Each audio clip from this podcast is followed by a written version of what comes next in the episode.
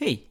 Mikael från Jesusfolket här som är väldigt glad och tacksam över all den positiva feedback som vi har fått från förra avsnittet där vi började gå igenom helvetesdebatten i dagen och diskuterade vad Bibeln egentligen säger om himmel och helvete, om vad som händer efter döden och innebörden av evigt liv. Eh, det är flera som har hört av sig och är väldigt tacksamma att vi bara överhuvudtaget pratar om detta, visar att det är okej okay att tänka olika, att det här inte är en frälsningsavgörande fråga och att eh, eh, det finns flera goda anledningar att ifrågasätta eh, den traditionella majoritetssynen utan att vara mindre biblisk eller kristen för det, utan kanske snarare mer i linje av vad Bibeln faktiskt säger. Och eh, vi hann ju inte klart med vår analys. Vi hade tio texter att gå igenom och eh, hann igenom fem. Så de övriga kommer i poddavsnittet idag. Daniel och Elin kunde hitta en eh, tid till att eh, sätta av till detta, vilket vi är väldigt tacksamma för. Eh, och eh, det blev ett eh, ganska långt samtal. Så jag ska hålla den här introduktionen kort. Det jag bara vill säga är att eh, i beskrivningen till det här poddavsnittet så hittar ni ett dokument där alla de texter som fanns med i den här debatten i dagen finns uppradade i kronologisk ordning så då kan ni lättare hänga med på vad det är vi pratar om. I beskrivningen så hittar ni också en länk till en sida på hela pingsten som är en debatt i skriftlig form om helvetets natur och som går igenom på ett mycket mer detaljerat sätt än vad vi hinner liksom klara av i det här poddavsnittet flera av de relevanta bibeltexterna. Och där jag argumenterar för att flera bibeltexter som vanligtvis används för att stödja läran om evig plåga vid närmare granskning egentligen kommunicerar någonting annat. Så det får ni gärna kika på. Och i beskrivningen så hittar ni också en länk till ett poddavsnitt av den amerikanska podden Rethinking Hell, där jag var gäst för två år sedan och berättar i mer djupgående form om min tankeprocess när det gäller de här frågorna och varför jag står där jag står. Så det får ni också gärna kolla in. Men nu ska jag inte uppehålla er mer utan vi hoppar rakt in i samtalet tillsammans med Elin och Daniel där vi fortsätter analysera helvetesdebatten i dagen och lyfter frågan Säger Bibeln verkligen att alla människor är odödliga eller är det bara genom Jesus som vi kan få leva för evigt? Håll till godo.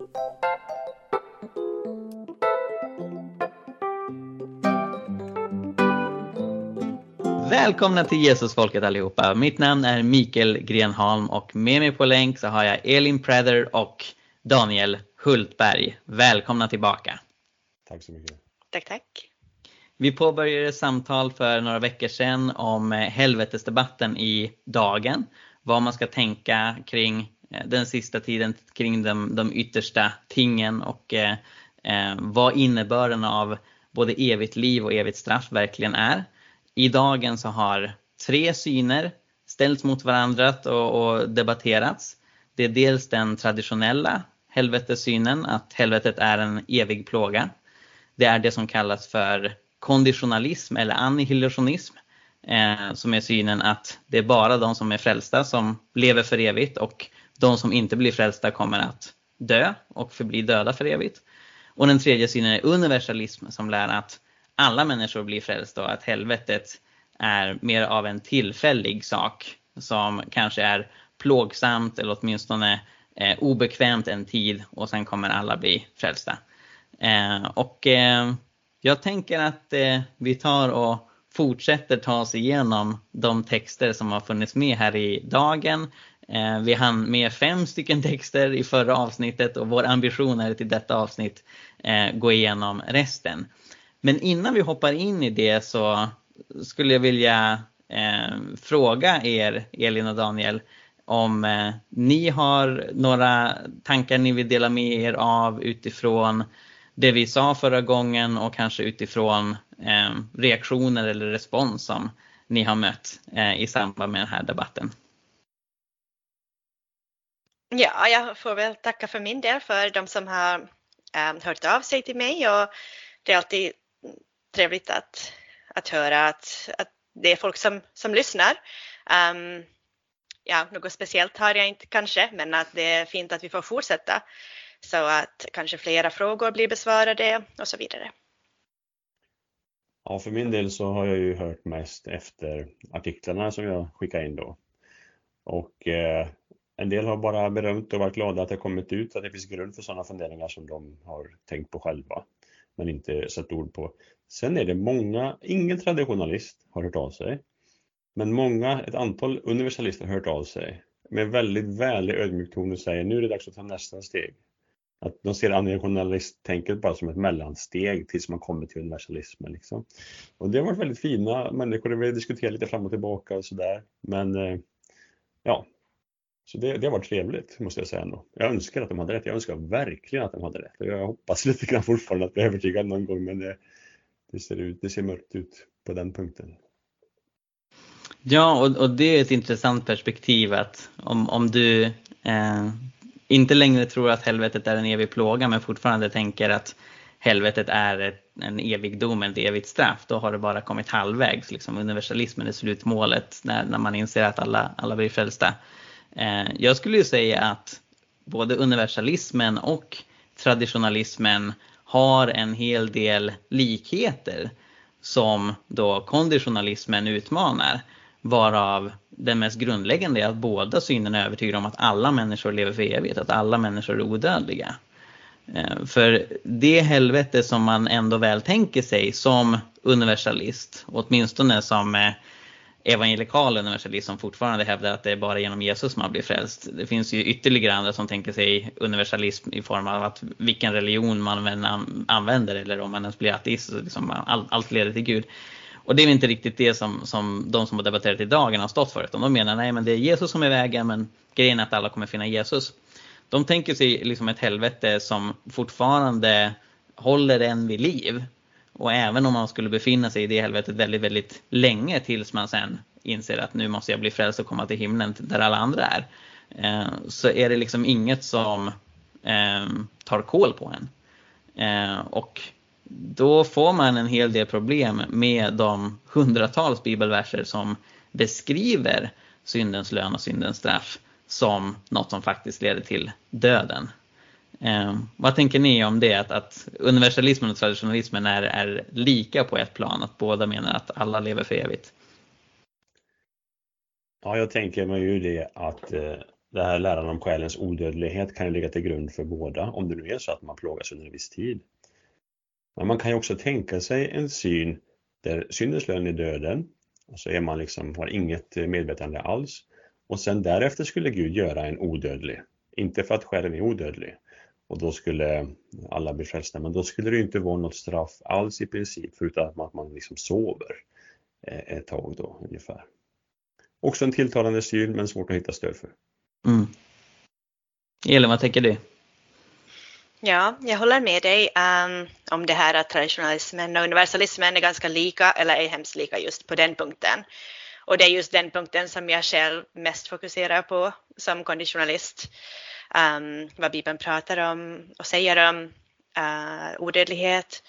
Så för mig är det en stor grej och jag, jag ser inte alls som att jag är någonstans mittemellan traditionalism och, och universalism. Kanske alltså om man tänker så här att, att att jag skulle vara konditionalist för att jag tycker att straffet på något sätt är för hemskt i traditionalismen och att jag tänker att ja, men jag, vill bara, jag vill ha en version som är lite mildare. Så då kanske, då, då förstår jag, det är säkert det de tänker på, universalisterna som tänker ja men okej, men sen kanske du ännu går ett steg vidare och förstår att, att, det var, att straffet var ännu mildare på något sätt så här.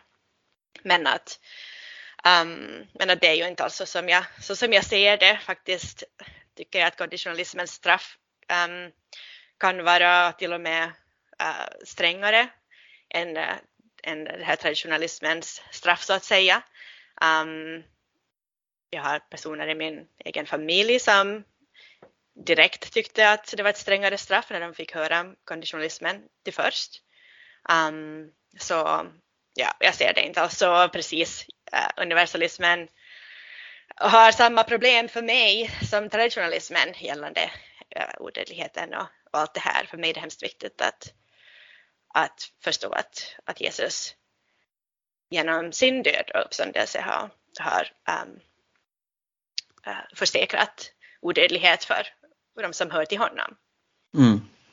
Men precis, det är inte något som tillhör skapelseögonblicket utan det är något som faktiskt ges oss genom frälsningen.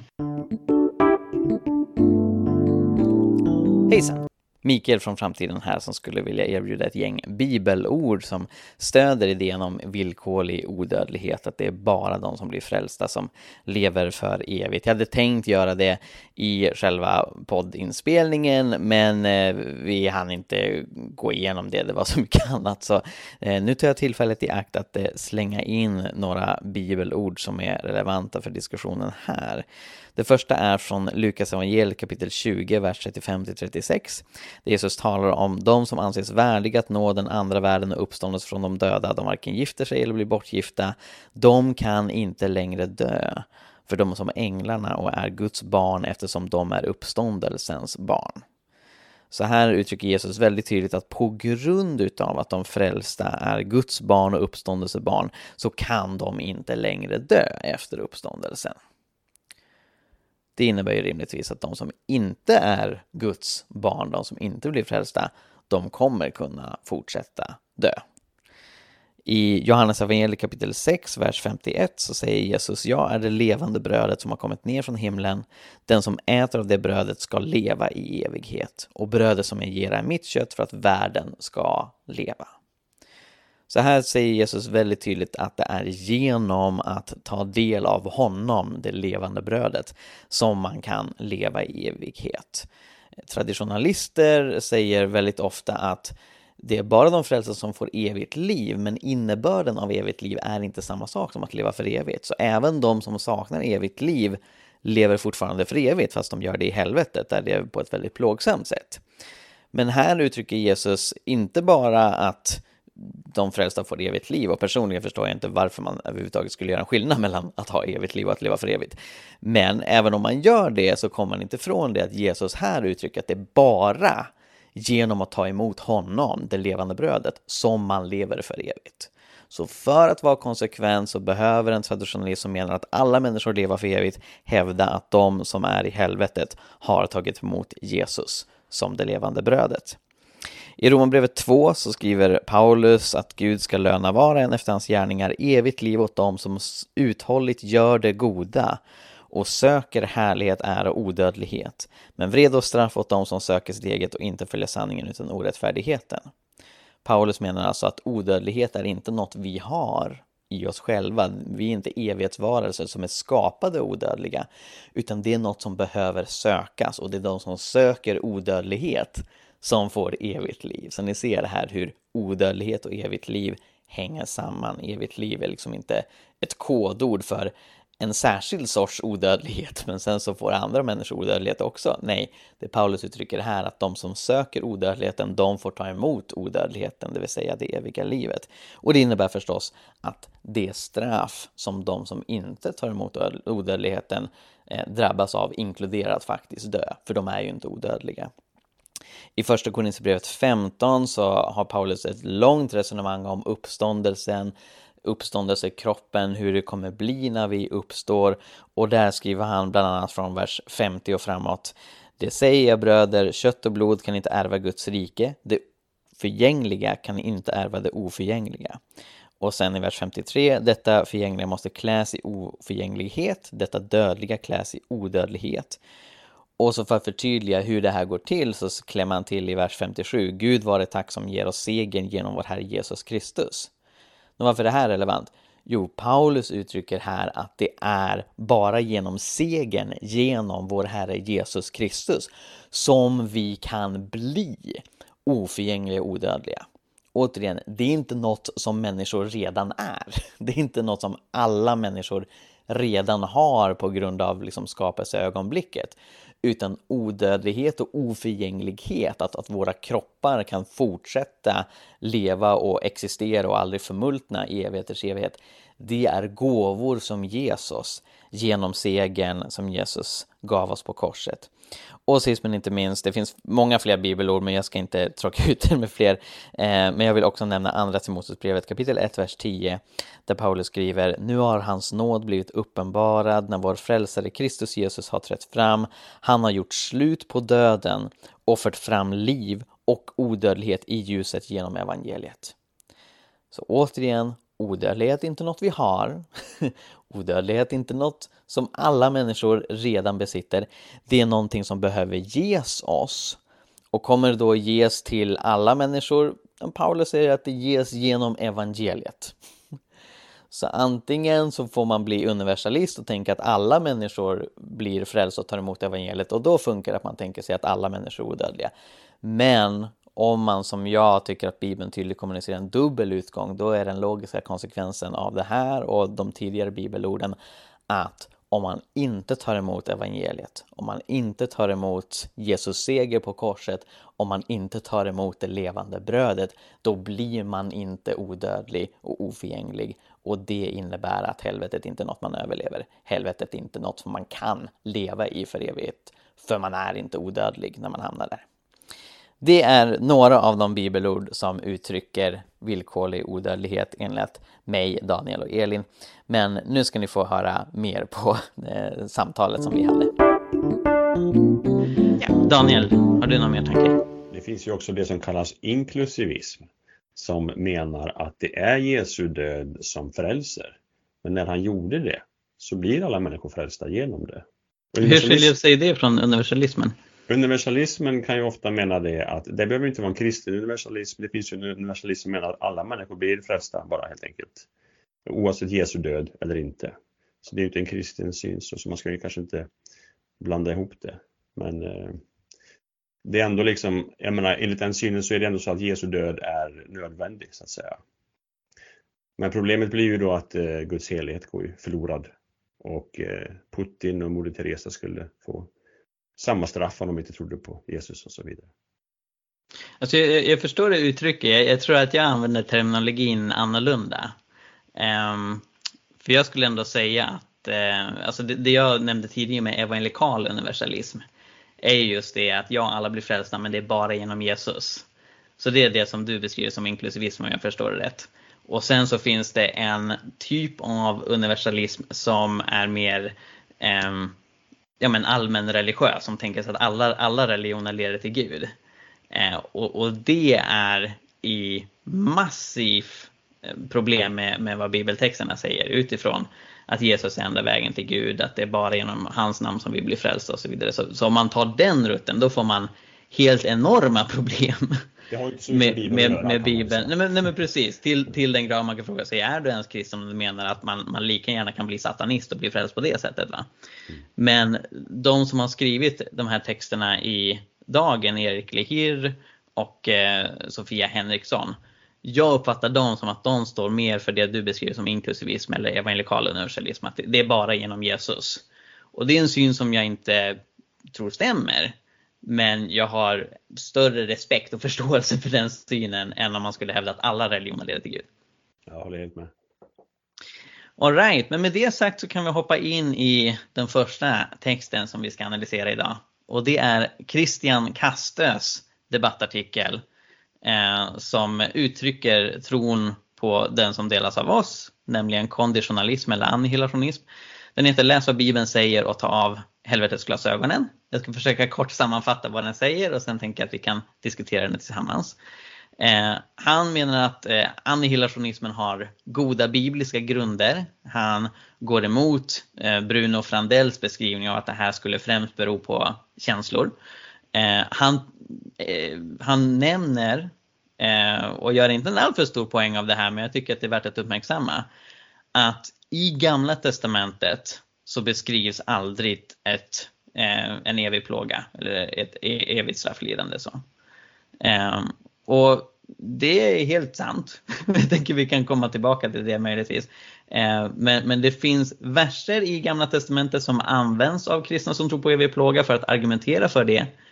Men det står aldrig uttryckligen någonstans i Gamla Testamentet att människor kommer drabbas av en evig plåga om de avfärdar Gud, utan där beskrivs eh, ens öde om man avfärdar Gud på ett annat sätt, eh, nämligen i termer av att man dör. Eh, han nämner eh, att Matteus 13, som Bruno Frandell citerar, faktiskt talar om en eld som bränner upp snarare än att det skulle handla om en eld som plågar i evighet medan man liksom bevaras. Vilket är också en poäng som vi gjorde när vi diskuterade Brunos text.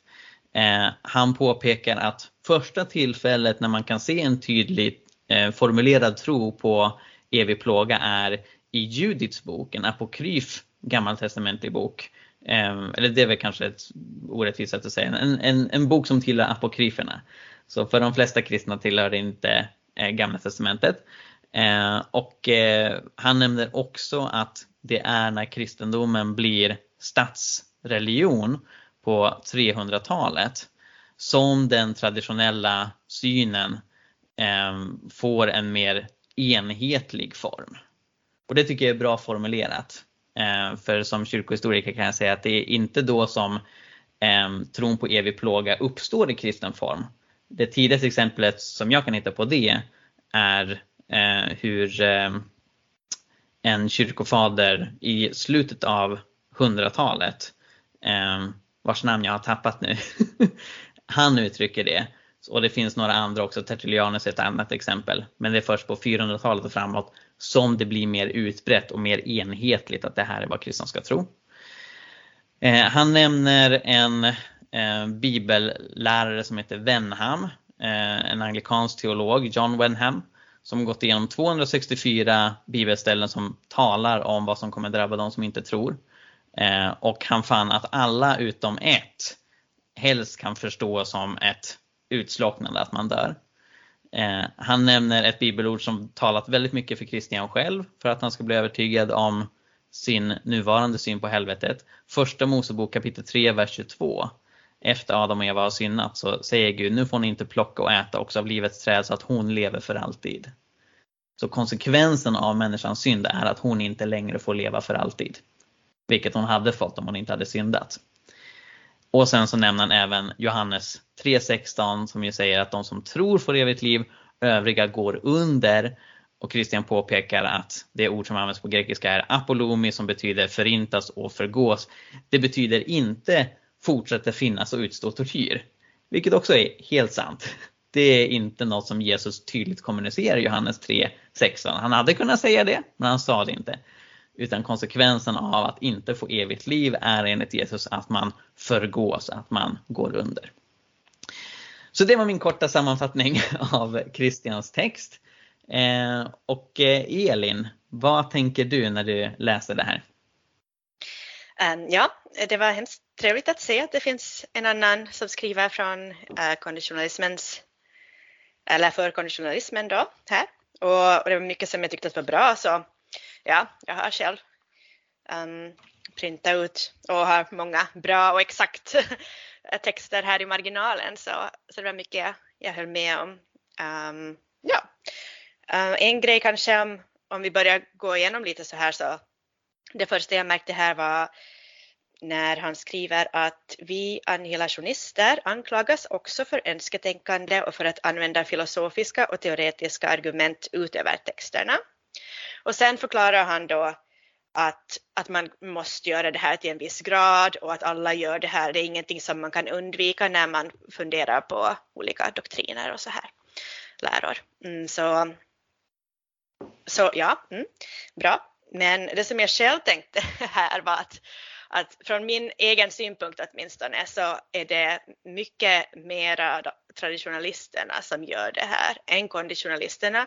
Och det här gäller åtminstone de diskussioner som jag själv är, eh, ja, deltar i på, på nätet var det förs diskussioner och senast igår var jag med och var vaken halva natten och höll på men alltså det är faktiskt ett undantag. Men att det var ganska frustrerande för då kom det från det här traditionalistens håll jättemycket sånt här filosofiskt, teoretiskt, liksom det var, det var liksom sånt här hårklyveri liksom då. Och och, och jättesvårt att förstå och ingenting var klart och tydligt. Det for från den ena att det döde separation av det här och det där och så plötsligt är det separation av någonting annat och det blev hemskt invecklat. Men att ja, um, ja, så det var nu bara någonting jag tänkte själv att ja, vi, anklag, vi anklagas för det här men, men så upplever jag ju inte alls att det är vi som håller på med, med filosofi utan ofta blir det mera just från andra hållet. Mm. Tycker du att det stämmer? Ja, alltså i synnerhet från det universalistiska hållet som vi varit inne på tidigare ja, så är det väldigt visst, ja. vanligt med mm. filosofi men absolut förekommer även från traditionalistiskt håll. Och även om många traditionalister vill framhålla, nej men det jag står för är vad Bibeln säger och det är ni som ändrar er med era filosofiska idéer så ser det inte riktigt ut så i praktiken som du är inne på. Utan väldigt ofta så blir det mer filosofiska resonemang om, ja men Guds vrede borde innebära det här och resonemang om att ja men Gud kan ju inte vilja förgöra eller förinta något han har skapat och därför måste han ha gjort oss odödliga redan vid skapelseögonblicket. Och, och då bygger man ju inte det på något bibelord som säger när människan skapades så gjordes hon odödlig, för det finns inget sånt bibelord. Utan då är det mer av ett filosofiskt resonemang om att rimligtvis så skulle Gud vilja odödliggöra alla människor han har skapat från, från och med att de skapades.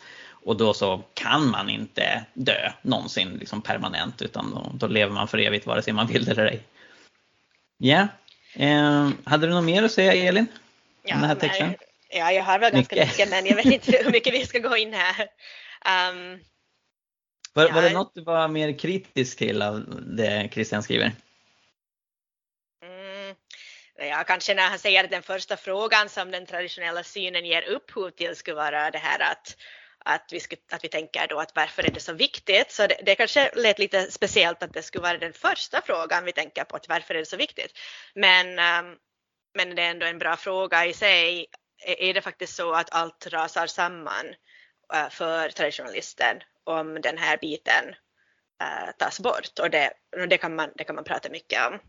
Men eh, om, om du vill höra någonting som jag kanske är ännu mer kritisk till så kommer vi till det här som du sa om Gamla Testamentet Ja. Och, och att, att Gamla Testamentet inte då har den här bilden av um, ja, evig plåga åtminstone. Mm. Och det stämmer ju. Men att um, det här att det skulle vara ett dödsrike där alla hamnar och från vilket man inte återvänder. Så där kanske man kan inflika att ja. det nog finns uh, i Gamla Testamentet sånt som pekar på uppståndelsen.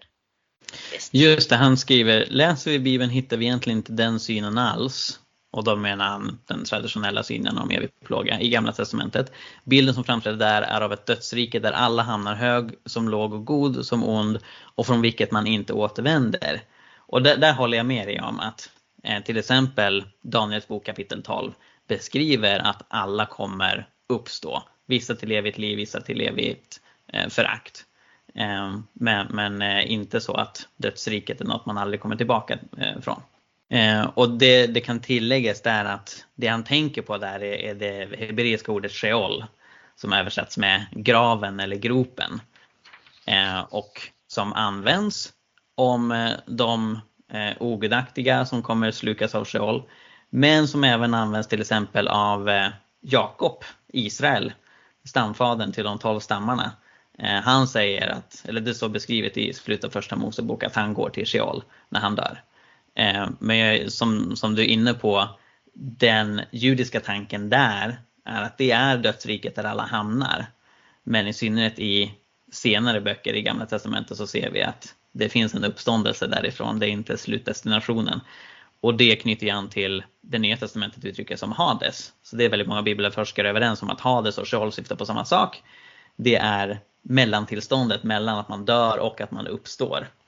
Eh, och eh, det är därför inte att sammanblanda med vad vi pratar om när vi talar om himmel och helvete och sådana saker. Ja, Daniel, har du några ytterligare tankar och kommentarer om Christian Kasters text? Ja, det är ju en ganska personlig och väldigt sympatiskt skriven artikel tycker jag. Och eh, jag tycker det är jättebra att han eh, pratar en del om Gamla Testamentet. Det är något som jag själv inte gjorde alls. Och eh, jag tänker att det finns ingen skäl att tro egentligen att det här med en evig plåga, att det är en, en lära som skulle komma liksom först med när Jesus kom. Om det skulle vara så att vi, som de som inte tror kommer plågas för evigt, självklart, tänker jag, skulle det stå i Gamla Testamentet. Det är liksom lätt topp tre viktigaste frågor som mm. finns. Det, ingenting kunde behöva varnas för mer. Och så nämns det inte någon gång tydligt i Gamla Testamentet. Eh, för det första tänker jag att det borde stå massor med gånger.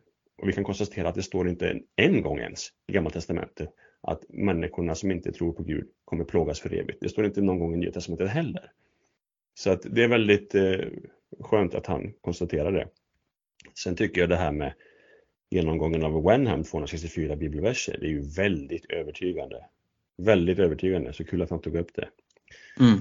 Sen kan jag bara hålla med om det där med önsketänkande. Jag tycker det är väldigt tydligt och eh, framförallt i den här debatten som har varit nu i dagen att de som eh, lyfter fram den här traditionella synen. Jag, jag uppfattar det som att de önsketänker. Eh, att de, de vill att det ska vara så av någon anledning. De, de kanske är rädda för att hamna, för att inte tro på det. Jag har hört människor som har fått höra det att om du inte tror på helvetesläran, då kommer du hamna i helvetet. Ja, Vilket själv. är ett helt bisarrt påstående. Och ja. Eh, ja inte Precis. alls något Bibeln uttrycker. Och, och, samtidigt, då blir du livrädd för en angelokanistisk ja. eller konditionalistisk tro. Ja. Och sen, jag märkte det också när jag för fram eh, saker som att jag tycker det här är undermålig exegetik. Då får jag svaret, det där är ett emotionellt argument. det, och, då tänker jag så här, ja du vill liksom att det ska vara sant att helvetet finns på, av någon anledning då som är utöver vad som Bibeln säger. Och det kommer vi gå in på mer senare då. Ja.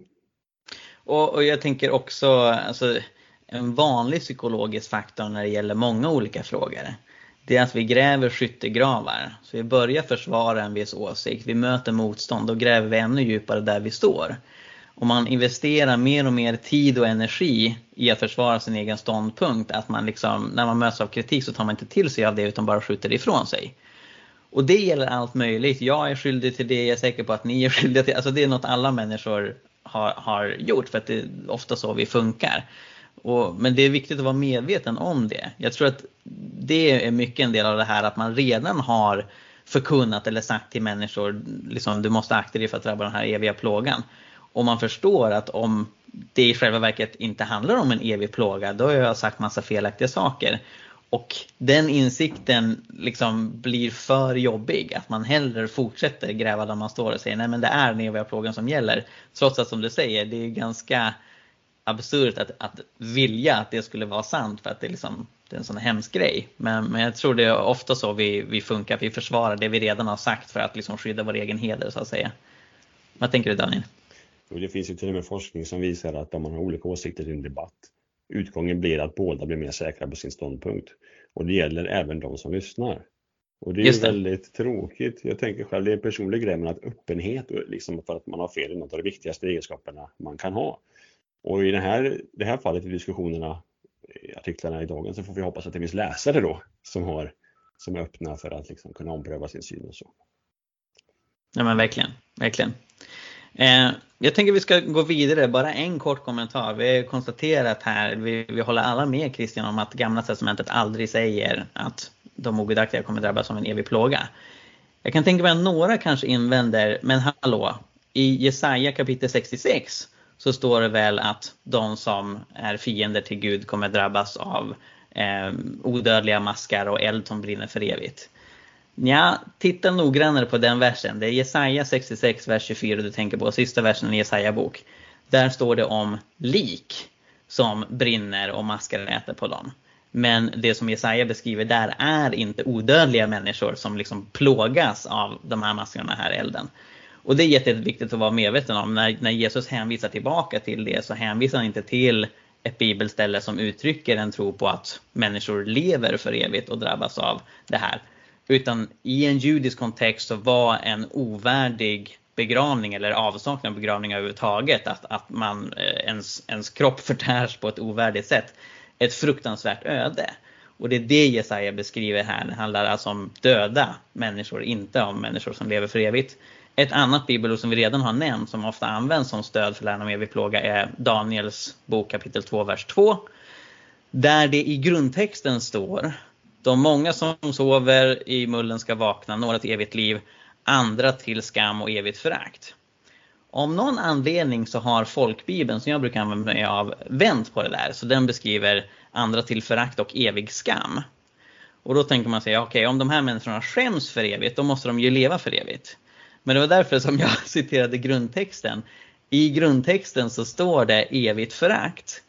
Och det enda andra tillfället när det ordet används i Gamla Testamentet så är det i Jesaja 66, vers 24 att de här liken ska vara till förakt för de människor som, som överlever, för Guds folk.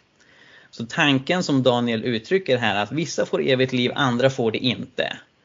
Och de eh, uppväcks istället till skam och ett förakt som pågår i evighet, men det är inte ett förakt som man känner för sig själv. Utan det är ett förakt för, som andra känner för dem. Eh, så Daniels bok uttrycker, tycker jag, väldigt tydligt att ja, vissa får evigt liv, de andra som inte får evigt liv, Daniel har inte någon tanke på att de lever en annan sorts liv för evigt. Utan det han beskriver här är just att deras straff blir en död som blir eh, ja, men till, till skam och evigt förakt. Eh, så därför så uttrycker inget av de bibelorden eh, en tanke på evig plåga. Och även om man inte skulle hålla med mig om min tolkning av dem så kan man åtminstone konstatera att det sägs inte uttryckligen att det är en evig plåga. I ena bibelordet handlar det om bokstavliga lik. I det andra bibelordet så står det om förakt och skam men det sägs ingenting om att man lever för evigt. Och sen när man tittar på allt annat som Gamla Testamentet säger kommer drabba de ogudaktiga, de som vänder sig från Gud, så står det om att de kommer dö, de kommer förgås, de inte längre kommer finnas. I Malaki kapitel 4 står det att de kommer bli aska under de rättfärdigas fötter och så vidare och så vidare. Så när man tar hänsyn till allt som Bibeln, eh, och inklusive då Gamla Testamentet, säger om det som drabbar de som vänder sig från Gud. Så det absolut mest dominerande som, som syns där är att de kommer drabbas av död. Inte att man lever för evigt på ett plågsamt sätt. Daniel? Ett vanligt argument man hör det är att det står ju att elden är evig och maskarna dör aldrig. Och då blir följdfrågan, ja men vilket är lättast att överleva? En eld som släcks eller en eld som aldrig släcks? En mask som dör eller en mask som inte dör? Nej men precis, alltså även om masken och elden skulle vara evighetssaker så säger inte det att personen lever för evigt. I synnerhet inte när Jesaja precis har beskrivit personen i fråga som ett lik. för lik lever ju inte. Sen kan man göra en ännu mer detaljerad analys av, av detta, jag vet inte om vi hinner det. Men tekniskt sett så står det inte att masken aldrig dör, det står att den inte dör. Och det står inte att elden aldrig slocknar, det står att den inte släcks. Precis. Och när man tittar på andra bibelställen där dessa uttryck används så står det till exempel om en eld som drabbade Jerusalems portar som inte kan släckas. Betyder det att Jerusalems portar fortfarande brinner? Nej. Det betyder att man lyckades inte släcka den tills den hade brunnit upp sitt bränsle. På samma sätt Eh, så jag tror det är eh, eh, i Jeremia bok där det talas om gamar och, och asätande fåglar som inte kan dödas. Och det det handlar om då är att de kommer äta upp resten av, av liken som de äter på och på samma sätt ge ett, ett ovärdigt öde för en person som hade dött. Det handlar inte i sig om att gamarna är odödliga utan det handlar om att de kan inte stoppas, man kan inte lyckas döda dem förrän de har gjort sitt jobb och, och ätit upp de här likresterna. Så det är det som Jesaja uttrycker här snarare än att det är någon slags eh, Sagan om ringen-maskar som liksom tål eld och lever för evigt och kryper omkring där. Utan det handlar helt enkelt om att på ett väldigt kraftfullt och eh, grafiskt sätt beskriva i en judisk kultur att de här drabbas av en fruktansvärd död. Eh, det är det Jesaja försöker frammana. Elin? Exakt. Um, det, det som jag tänkte på också är det här argumentet som man hör att, att, att okej, okay, det står inte i Gamla Testamentet uh, om, uh, uh, ja, om evig plåga till exempel då just. Och, men så säger man så här att, mm, att det är mycket i Bibeln som utvecklas och vi vet inte allt när vi läser uh, första Mosebok till exempel och det kommer mera så här uh, uppenbarelse genom, genom Bibeln. Och sen tänker man att ja, helt i slutet av Bibeln, i uppenbarelseboken, så får vi riktigt det sista ordet på hur det kommer att vara. Men uh, då tänker jag ändå så här att, att, att ja, visserligen och kanske om man tänker på, på det eviga livet och så här, så det är lätt att kanske lägga till någonting till liv som redan liksom finns. Att om man nu tänker bara att någon säger till först någon säger till först att ja, du ska få det här och sen ja, du ska också få det här och sen får du det här och eviga livet är också det och det och det. Liksom det går att bygga på. Men om man säger från, från början att straffet är död så är det hemskt svårt att liksom bygga på för det där är ingenting i döden liksom så här att det finns ingenting att, att tillägga så då kan det inte riktigt utvecklas att det enda som kan hända då är det här som inte legitimt att säga att det är inte död, istället är det liv, det är att man är för evigt i liv i plåga och att det liksom bygger inte på det på samma sätt om, om du vet, eller håller du mm. med att man kan inte riktigt säga då att, att det bygger på den här idén om, om, om döden så som den beskrivs i Gamla Testamentet. För att den, den bygger inte på utan den omkullkastar. Ja? Nej men verkligen och ett extrem exempel på det som jag stött på flera gånger, det man säger, nej men i Uppenbarelseboken så får vi äntligen reda på vad död betyder. Där, där står det att eh, ja, eldsjön som, som eh, de ogudaktiga kastas in i, att det är den andra döden och det innebär att död betyder att plågas för evigt. Och, och, och då läser man ju dels Uppenbarelseboken helt upp och ner för att det är ju bilden av eldsjön som uttolkas till andra döden. Det är inte den andra döden som uttolkas till en eldsjö. Men sen, alltså, tänk på alla de tusentals, miljontals som tagit del av Guds uppenbarelse fram tills dess. Och de får höra gång på gång på gång på gång genom Guds profeter att om ni inte vänder om kommer ni dö. Och sen så är det först i liksom, bokstavligen Bibelns sista bok som vi får reda på. Ja, oh, by the way, det där död, det betyder att, att leva för evigt i plåga. Det, det blir en väldigt märklig bild av Guds kommunikativa förmåga. Att han skulle om och om igen använt ett begrepp och egentligen menat något väldigt annorlunda med vad vi normalt menar när vi säger död, vilket gör livlöshet, att inte längre eh, kunna röra sig, att inte längre vara medveten och sådana saker. Okej, vi behöver gå vidare kära vänner. Ja. vi har bara gått igenom första texten. Nu ska vi gå oss eh, till nästa text i den här debatten som var Nima Motallabzades text. De förlorade kommer dömas till evig plåga. Så tillsammans med Bruno Frandells text så är den här den som tar tydlig ställning för evig plåga. Även Stefan Svärd kommer i slutet komma tillbaka till det, men han för inte en lika rak argumentation som Niemann gör. Utan han beskriver i ett av de första styckena att han vill se mer av kompromisslös, tårdränkt helvetesförkunnelse. Och med det menar han helvete som evig plåga. Han hänvisar främst till två bibelord för att det Bibeln beskriver en evig plåga. Dels Uppenbarelseboken 14. Vilket jag tycker är lite märkligt val av honom för att Uppenbarelse 14 har redan diskuterat en hel del i den här debatten, inklusive av dig Daniel. Du bemötte ja. Nimas tolkning av Uppenbarelseboken 14 innan han själv gjorde den. Men vi kommer komma tillbaka till det. Och sen hänvisar han till Matteus 25. Eh, att eh, de som går förlorade kommer komma till den eviga elden som är beredd åt djävulen och hans änglar. Eh, han menar att du Daniel är driven av ett emotionellt förakt mot läran av evig plåga. Och han, han för att även om du säger att det är Bibeln du lutar emot så är det mer känslor som egentligen är motivationen. Du ska naturligtvis få svara på det. Eh, han fortsätter med att påpeka att eh, argumentet att eh, ändliga synder inte kan resultera till, i en oändlig tid av plåga eh, inte funkar på grund av att vi har syndat mot en evigt helig Gud och därför också straffet evigt. Eh, sen så går han över till att eh, argumentera mot eh, Erik Lehir och hans universalistiska argumentation. Han påpekar att det är ett faktafel att säga att universalismen dominerade under kyrkans 400 första år. Och det har Nima helt rätt i. Och det var ju också något som vi lyfte, att när, när Erik Lehir säger att det var universalismen som var det vanligaste, då är han ute och cyklar. Eh, han påpekar att eh, universalister ofta då, inklusive Erik Lehir, eh, förnekar att Gud straffar och betonar snarare att, att eh, Gud tillrättavisar på ett formande sätt som gör att man blir redo för att eh, leva i himlen i evighet. Eh, men då så för Niemann argumentation för att nej men enligt Bibeln så straffar Gud och ger flera bibelexempel på det. Eh, och sen så skriver han i slutet av sin debattartikel. Eh, för samme Gud vars vredesdom över sina fiender är säker sände han sin son för att leva ett syndfritt liv och på korset dricka varje droppe av det eviga helvete hans mördare rätteligen förtjänar. Så han avslutar med att säga att lyckligtvis finns det genom Jesus eh, eh en, en befrielse, en utväg från att drabbas av helvetet.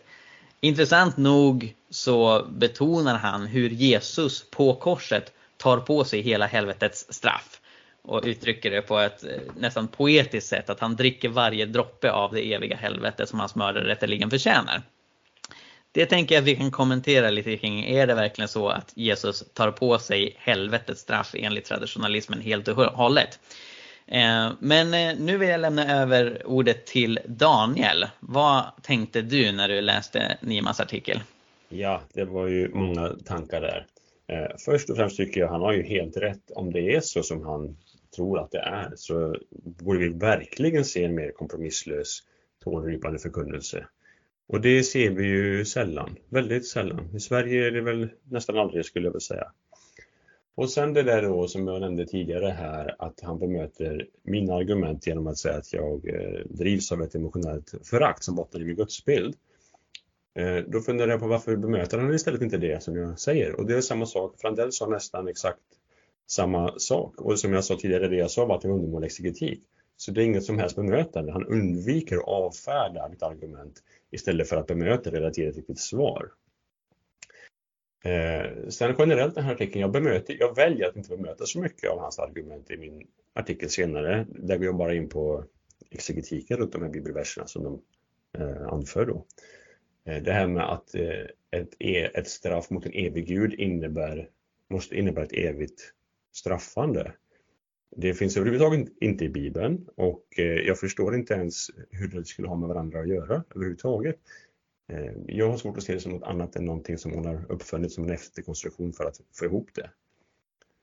Och sen Matteus 25, det är ju en berättelse som står i ett sammanhang av liknelser.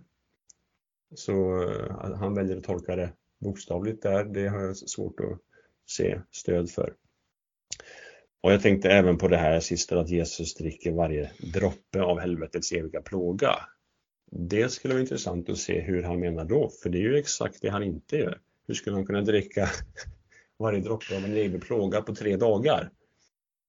Mm. Och, eh, och, och, inte bara en evig plåga utan miljoners, miljarders eviga plågor ska han dricka. Ja, på tre dagar. Mm. Mm. Nej, men, och, och jag förstår ju att liksom eh, Alltså Nima, eh, jag har ju haft lite kontakt med honom främst via nätet. Han har verkligen en passion för Guds ord, han har passion för evangelisation som jag verkligen respekterar. Eh, och eh, ja, men jag, jag, tror att han liksom skriver detta ut, utifrån liksom en, en ärlig motivering. Men jag tycker ändå att han beskriver situationen väldigt orättvist när han försöker utmåla dig som främst känslodriven. Det känns som att han inte tar din argumentation seriöst. I synnerhet när han tar upp Uppenbarelseboken 14 igen, som du redan diskuterat. Inte för att bemöta de argument du har anfört för varför det här inte handlar om en beskrivning av evig plåga. Utan han tar upp det och, och mer försöker framställa det som att ja men titta här vad Bibeln säger. Eh, och, och, och, det tycker jag inte är att riktigt engagera sig i debatten på ett ärligt sätt. Mm. Utan där handlar det mer om att vifta undan det du har skrivit och säga det där är bara känslor. Här kommer ett bibelord som säger emot. Som om du inte ens hade redan bemött det. Mm. Och, och, och det, det, tycker jag är till Nimas nackdel i den här debatten. Han borde gjort ett bättre jobb att faktiskt eh, ta tag i de argument du redan har anfört. Mm. Alright, Elin, vad tänkte du när du läste Nimas artikel? Mm, ja, um jag känner inte till honom eh, alls utanför den här debatten men att, men att också ja, känner viss, viss respekt nog för hans um, liksom hjärta bakom, bakom det som han skriver. Så det låter ungefär så som, så som jag lät för, för fyra år sedan.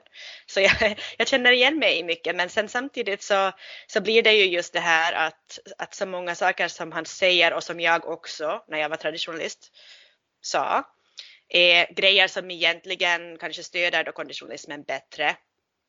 Och en del saker är bara inte alls, finns, eller finns helt och hållet utanför uh, Bibelns undervisning, till exempel just det här att prata om ändlösa själar, det finns ju ingenstans i, i Bibeln, plus att det är hemskt viktigt att komma ihåg att traditionalismen inte bara äh, tror att själen är evig utan också att äh, kroppen, kropparna kommer att uppstå och människorna kommer att leva som, som ähm, hela människor för, för evigt i, i plåga. Men ähm, ja, en sak som kanske vi inte ännu riktigt har nämnt är det här som han säger om att uh, vi inte riktigt kan bedöma vilket straff som är proportionerligt till vår synd.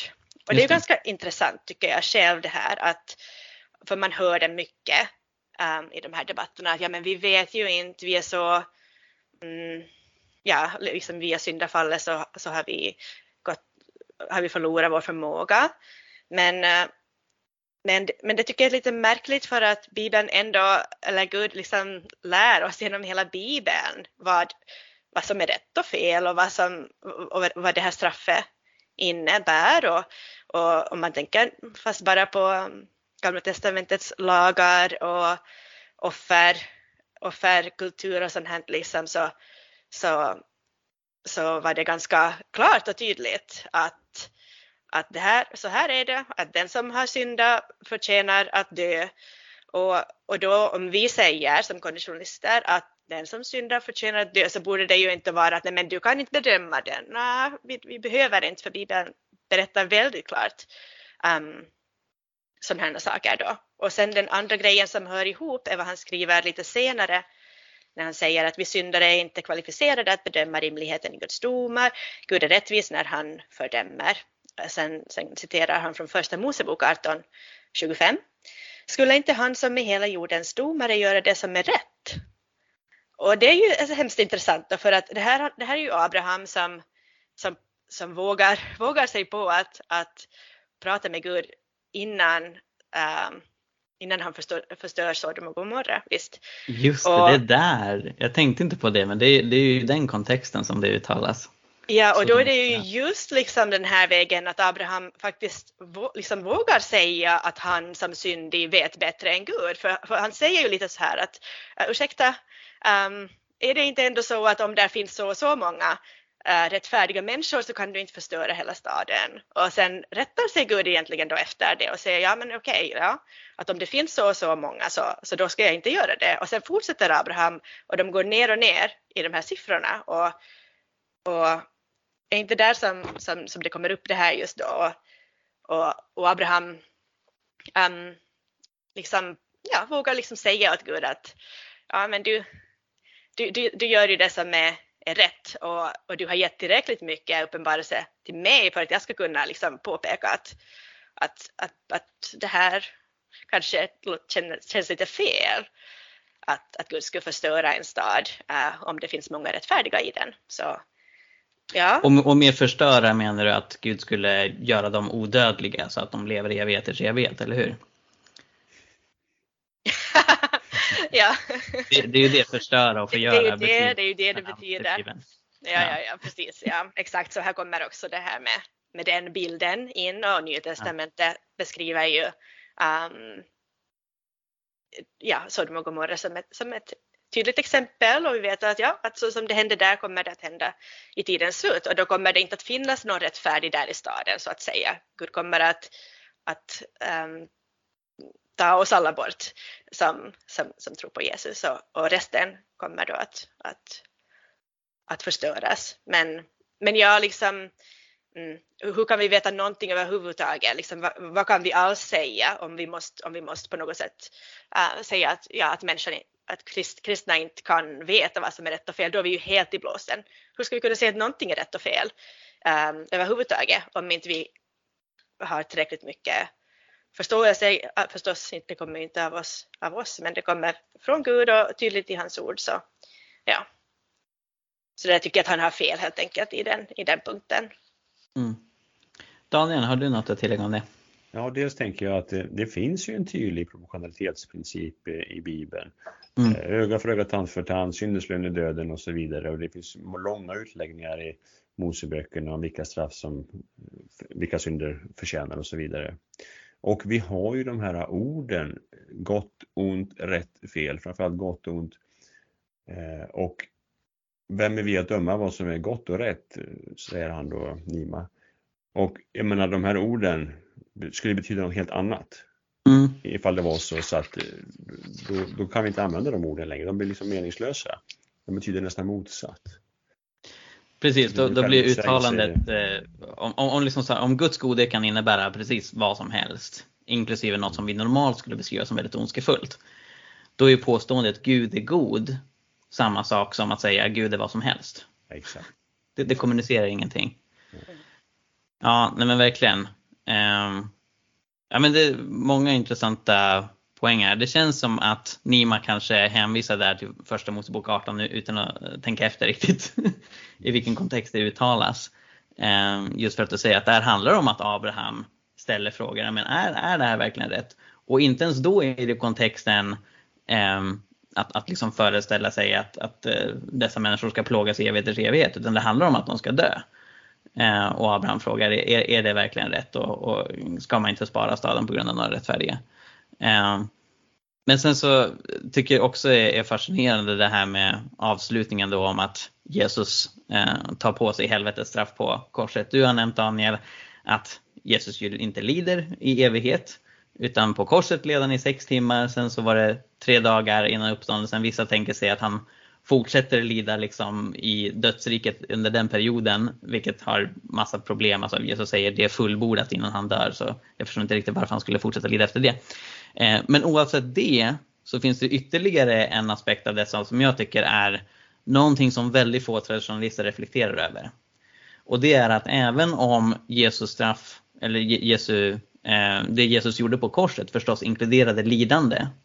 Så är det något som betonas om och om igen, inte bara i Nya Testamentet utan även i de gammaltestamentliga profetiorna om Jesus, så är det ju att han kommer dö.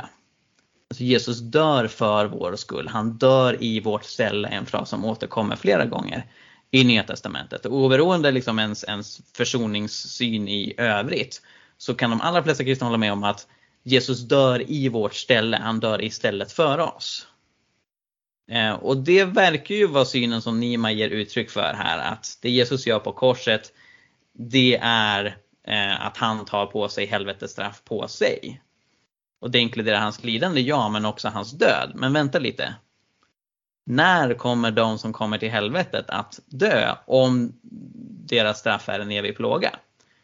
Svaret är ju aldrig, de kommer aldrig någonsin dö när, när de befinner sig i helvetet. Utan om, om det handlar om en evig plåga, om man lever för e, evigt i ett plågsamt tillstånd så kommer man aldrig drabbas av en fysisk biologisk död. Även om man dog den första döden, alltså den döden vi dör här på jorden, så är ju inte det en del av helvetet utan det som man tänker sig helvetet som i den traditionella synen, det är att man lever för evigt i plåga. Och det var ju inte det Jesus tog i vårt ställe på korset när han dör fysiskt biologiskt på korset.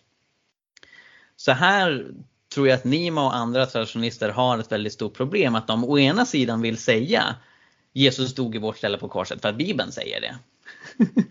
Men utifrån deras syn på helvetet så funkar inte det för att de som kommer till helvetet kommer ju aldrig, aldrig någonsin i evigheters evighet att de facto dö på ett fysiskt biologiskt sätt.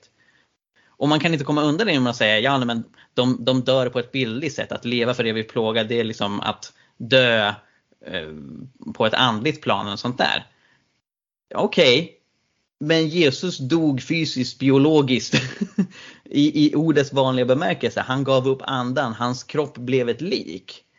Och om din syn på helvetet inte inkluderar det, alltså du tänker ett helvete där människor aldrig någonsin kommer bli likt, att de aldrig någonsin kommer förlora sitt liv. Då kan du egentligen inte hävda att Jesus tog deras straff på sig. När han, när han var på korset. Förstår ni hur jag tänker? Mm. Mm. Mm absolut. Ja. Ja. Om ni inte har något mer att tillägga om det så tänker jag att vi speedar vidare till nästa text. Och det är den andra och sista universalistiska texten som förekommer i Dagendebatten. Den är skriven av Sofia Henriksson. Den heter Skulle Gud låta större delen av mänskligheten plågas för evigt? Och den tar ju då främst spjärn mot läran om evig plåga.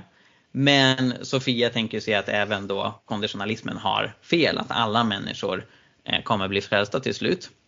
Eh, hon skriver bland annat att det var först i och med kyrkofadern Augustinus väcktes frågor som är somliga förebestämda att vinna frälsning medan andra blir förkastade. Och jag kan redan nu säga, återigen kyrkohistoriker Mikael här, ah, ah, ah. Det är inte så att Augustinus är den första att utmana universalismen. För hon nämner dessförinnan Origenes som ju uttryckte tro på universalism. Och hon ger intrycket av att visst, hans syn var den som gällde på 200-talet och sen kom Augustinus och ställde till på 400-talet och introducerade tankar om en dubbel utgång. Eh, och jag vet inte om det är det hon menar att kommunicera, men det är så det framstår. Och om det är det hon menar att kommunicera så stämmer det inte alls. Va?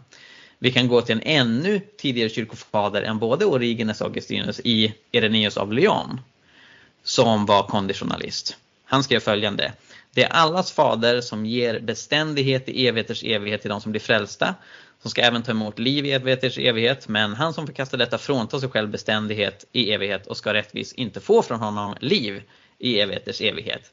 Det är en lite komplicerad fras, men det Irenaeus uttrycker här, det är att det är bara Gud som kan ge oss liv och existens i evighet. Och om vi förkastar eh, Guds gåva av evigt liv så kommer vi inte heller existera i evighet. Så här uttrycker Irenaeus dels en dubbel utgång, antingen får man evigt liv eller så får man det inte.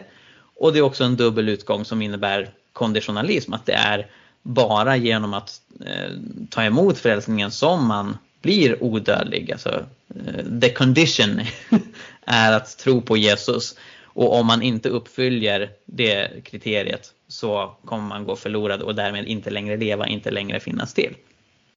Så han är ett exempel då på någon som eh, inte trodde på universalismen och inte heller för den delen på evig plåga utan han levde på eh, 100-talet, han levde mellan 130 till 202 ungefär. Han var faktiskt Eh, han hade fått undervisning från Polycarpos som verkade i eh, området kring, kring Levanten. Som i sin tur hade blivit undervisad av Johannes, aposteln. Så Ireneus är bara två led från den apostoliska tidsåldern och han trodde på konditionalismen. Hej, Mikael från framtiden här som tänkte att det kan vara värt att förtydliga lite grann vad det är som de här tidiga kyrkofäderna säger. Vi går igenom det lite snabbt, jag hade liksom inte citaten framför mig. Till exempel så kunde ju i stundens hetta inte komma på namnet på den första kristna tänkaren som tydligt uttrycker en tro på evig plåga. Hans namn var Tatianus. Så det var han som var Eh, lärjunge till Justinus martyren och han skrev att de som dör kommer sedan ta emot odödlighet med antingen glädje eller smärta. Så han uttrycker här en tydlig tro på en universell odödlighet men med en dubbel utgång där då de som kommer till helvetet också kommer leva för evigt, precis då, som de som blir frälsta, fast deras eh, liv i evighet kommer vara karaktäriserat av smärta istället för glädje. Nå, Justinus, som hade tränat Tatianus, eh, höll inte med om detta. Så Tatianus viker av i den här frågan från vad Justinus martyren hade lärt. Han skrev att det är bara de som har levt nära Gud som görs odödliga. Så Justinus hade en tro på villkorlig odödlighet, det som eh, eh konditionalism eh, hämtar sitt namn ifrån, från engelskans conditional immortality. Samma sak gäller då Irenaeus av Lyon som eh, jag citerade, det var väl egentligen det enda citatet jag hade framför mig. Men det är också värt att uppmärksamma att eh, Ignatius som skriver eh, väldigt, väldigt tidigt, en av de apostoliska fäderna. Han skriver sitt brev till magnesianerna i kapitel 10. Om Gud skulle belöna oss enligt våra gärningar så skulle vi upphöra att existera. Så det uttrycker också en väldigt tydlig tro på villkorlig odödlighet. Det är inte så att alla människor görs odödliga och vissa får uppleva den odödligheten i härlighet, andra får uppleva den i plåga och smärta.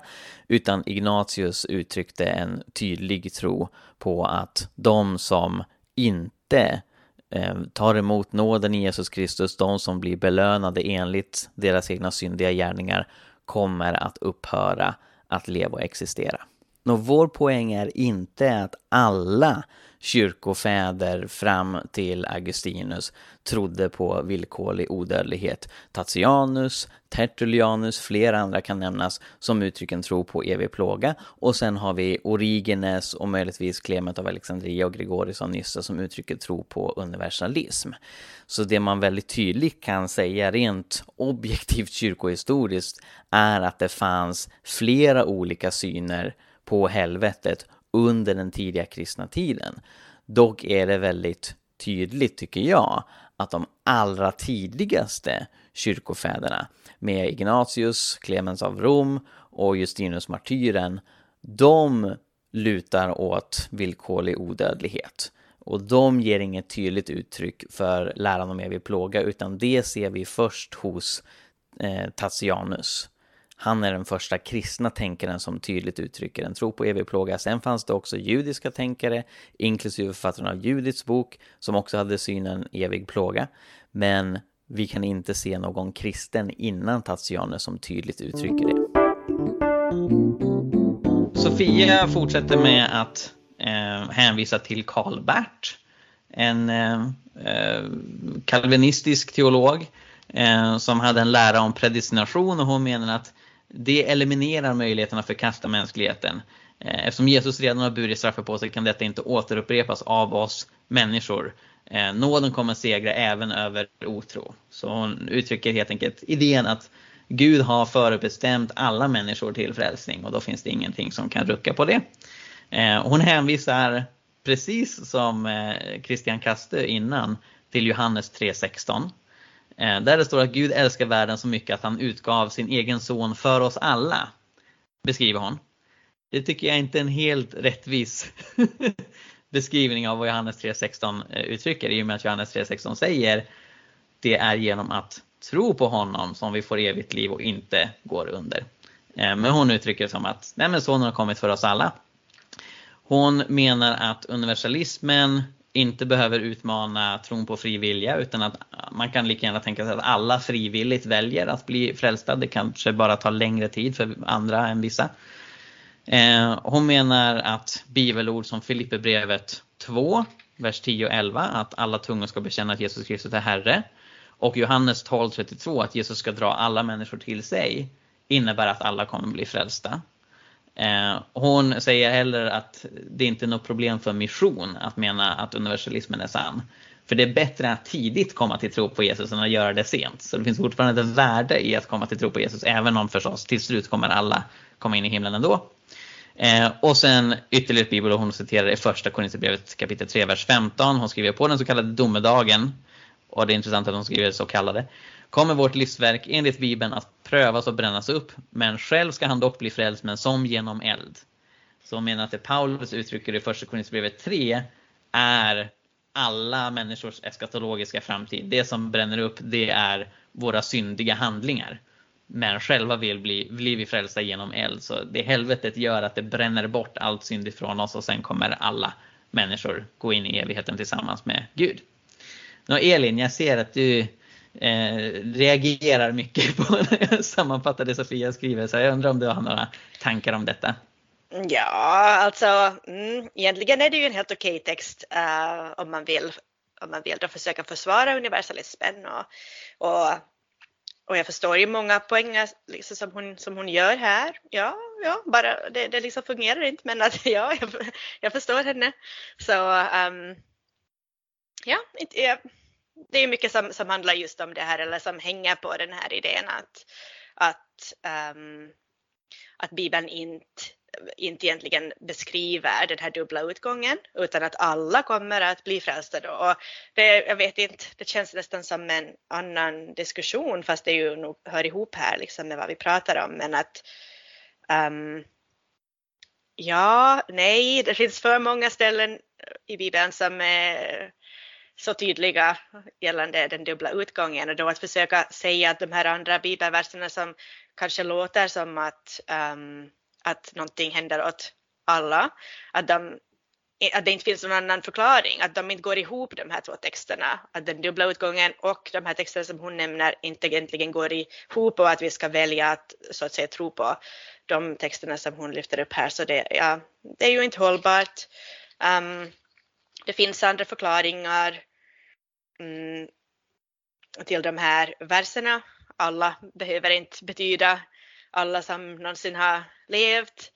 Uh, ja, jag vet inte hur mycket vi vill gå in på, in på allt det här, men, men ja, alltså jag håller med om just att, att, att hon använder eh, bibelverser på, på ett sätt som inte är befogat och ja, de pratar helt enkelt inte om vad hon önskar eller vill, vill säga att, att, de, att de ska prata om. Så ja, det liksom fungerar inte fast, fast jag kan förstå vad hon, vad hon, ja, hur hon tänker.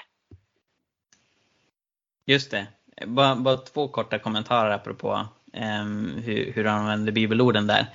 Dels när eh, i synnerhet texter av Paulus använder alla så kan det lika gärna syfta på alla sorters människor snarare än alla individuella människor. Generellt så tänkte man ju mer kollektivistiskt eh, i alltså, både den judiska och grekiska kulturen på den här eh, tiden. Va?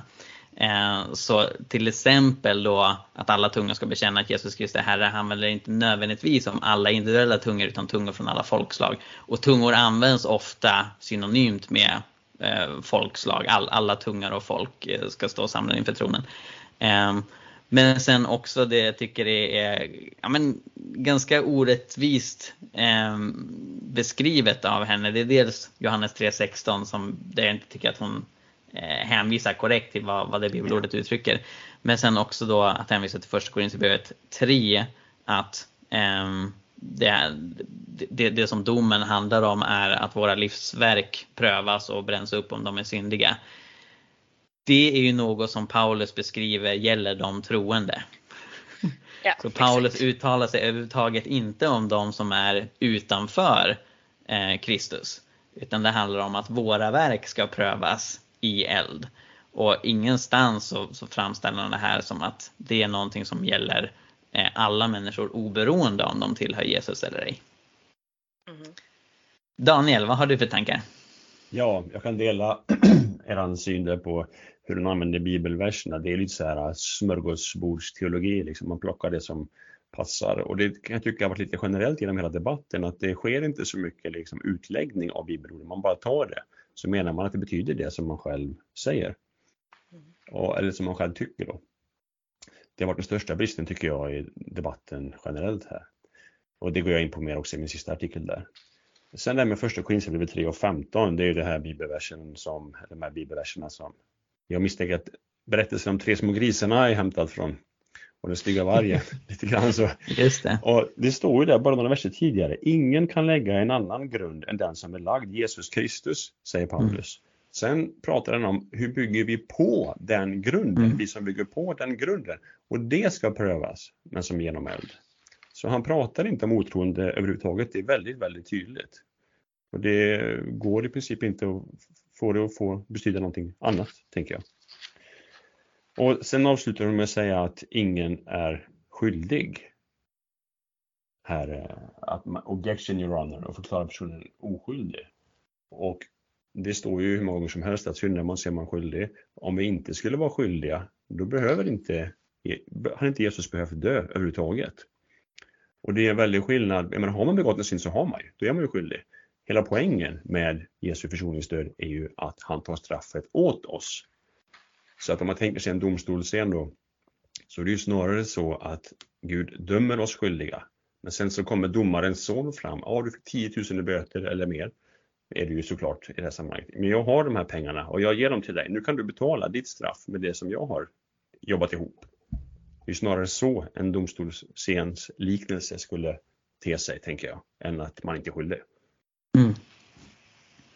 Ja, hörni, alltså det finns mycket mer som man skulle kunna säga om det här. Men tiden tryter. Och jag tror att vi hinner ändå gå igenom resterande texter för att det, det, det, är ett par texter kvar men flera av dem tänker jag att vi inte behöver kommentera allt för detaljerat. Så jag skulle ändå vilja försöka kamma igenom resten om det är okej okay med er. Ja. Efter det här så kom en ganska Eh, sammanfattande debattartikel som inte gjorde så mycket debatterande själv men som ville beskriva läget och det är Mikael Tellbes text Vad ska man egentligen tro på helvetet? Han är ju bibelforskare, en väldigt duktig sådan. Och han försöker beskriva vad de här tre synerna går ut på eh, och hur de använder sig av olika argument och, och bibeltexter. Eh, och eh, jag skulle mest bara liksom fokusera på början av hans text där han ger korta sammanfattningar på de tre synerna. Eh, och off, erbjuda några tankar om det och höra om, om ni har några tankar. Men i övrigt så tänker jag att vi inte behöver diskutera Telbes artikel så mycket för att den är inte så konfrontativ åt något håll. den försöker mer bara beskriva läget åt eh, förvirrade läsare kanske. Eh, men han beskriver att eh, Stefan Svärd, Bruno Frandell och Nima Motalbesade har förordat den klassiska helvetesläran som beskriver helvetet som en evigt brinnande eld där Gud dömer de ogudaktiga till en medveten, smärtsam och ändlös pina. Jag skulle säga att det eh, stämmer. Eh, möjligtvis så skulle jag vilja uppmärksamma dagenläsarna på eh, något som inte uttrycks tydligt här men som finns mellan raderna. Det handlar om att de lever för evigt. Eh, och det är därför de kan uppleva den här ändlösa plågan. Så tron på eh, Ehm, evig plåga är en, en tro på att alla människor lever för evigt antingen i himlen eller helvetet. Men i övrigt har jag inget liksom, att invända mot hans beskrivning.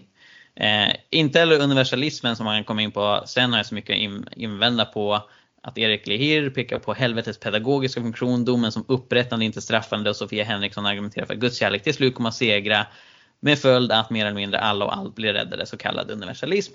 Jag tycker det är en rättvis beskrivning av universalismen. Vi har diskuterat olika former av universalism.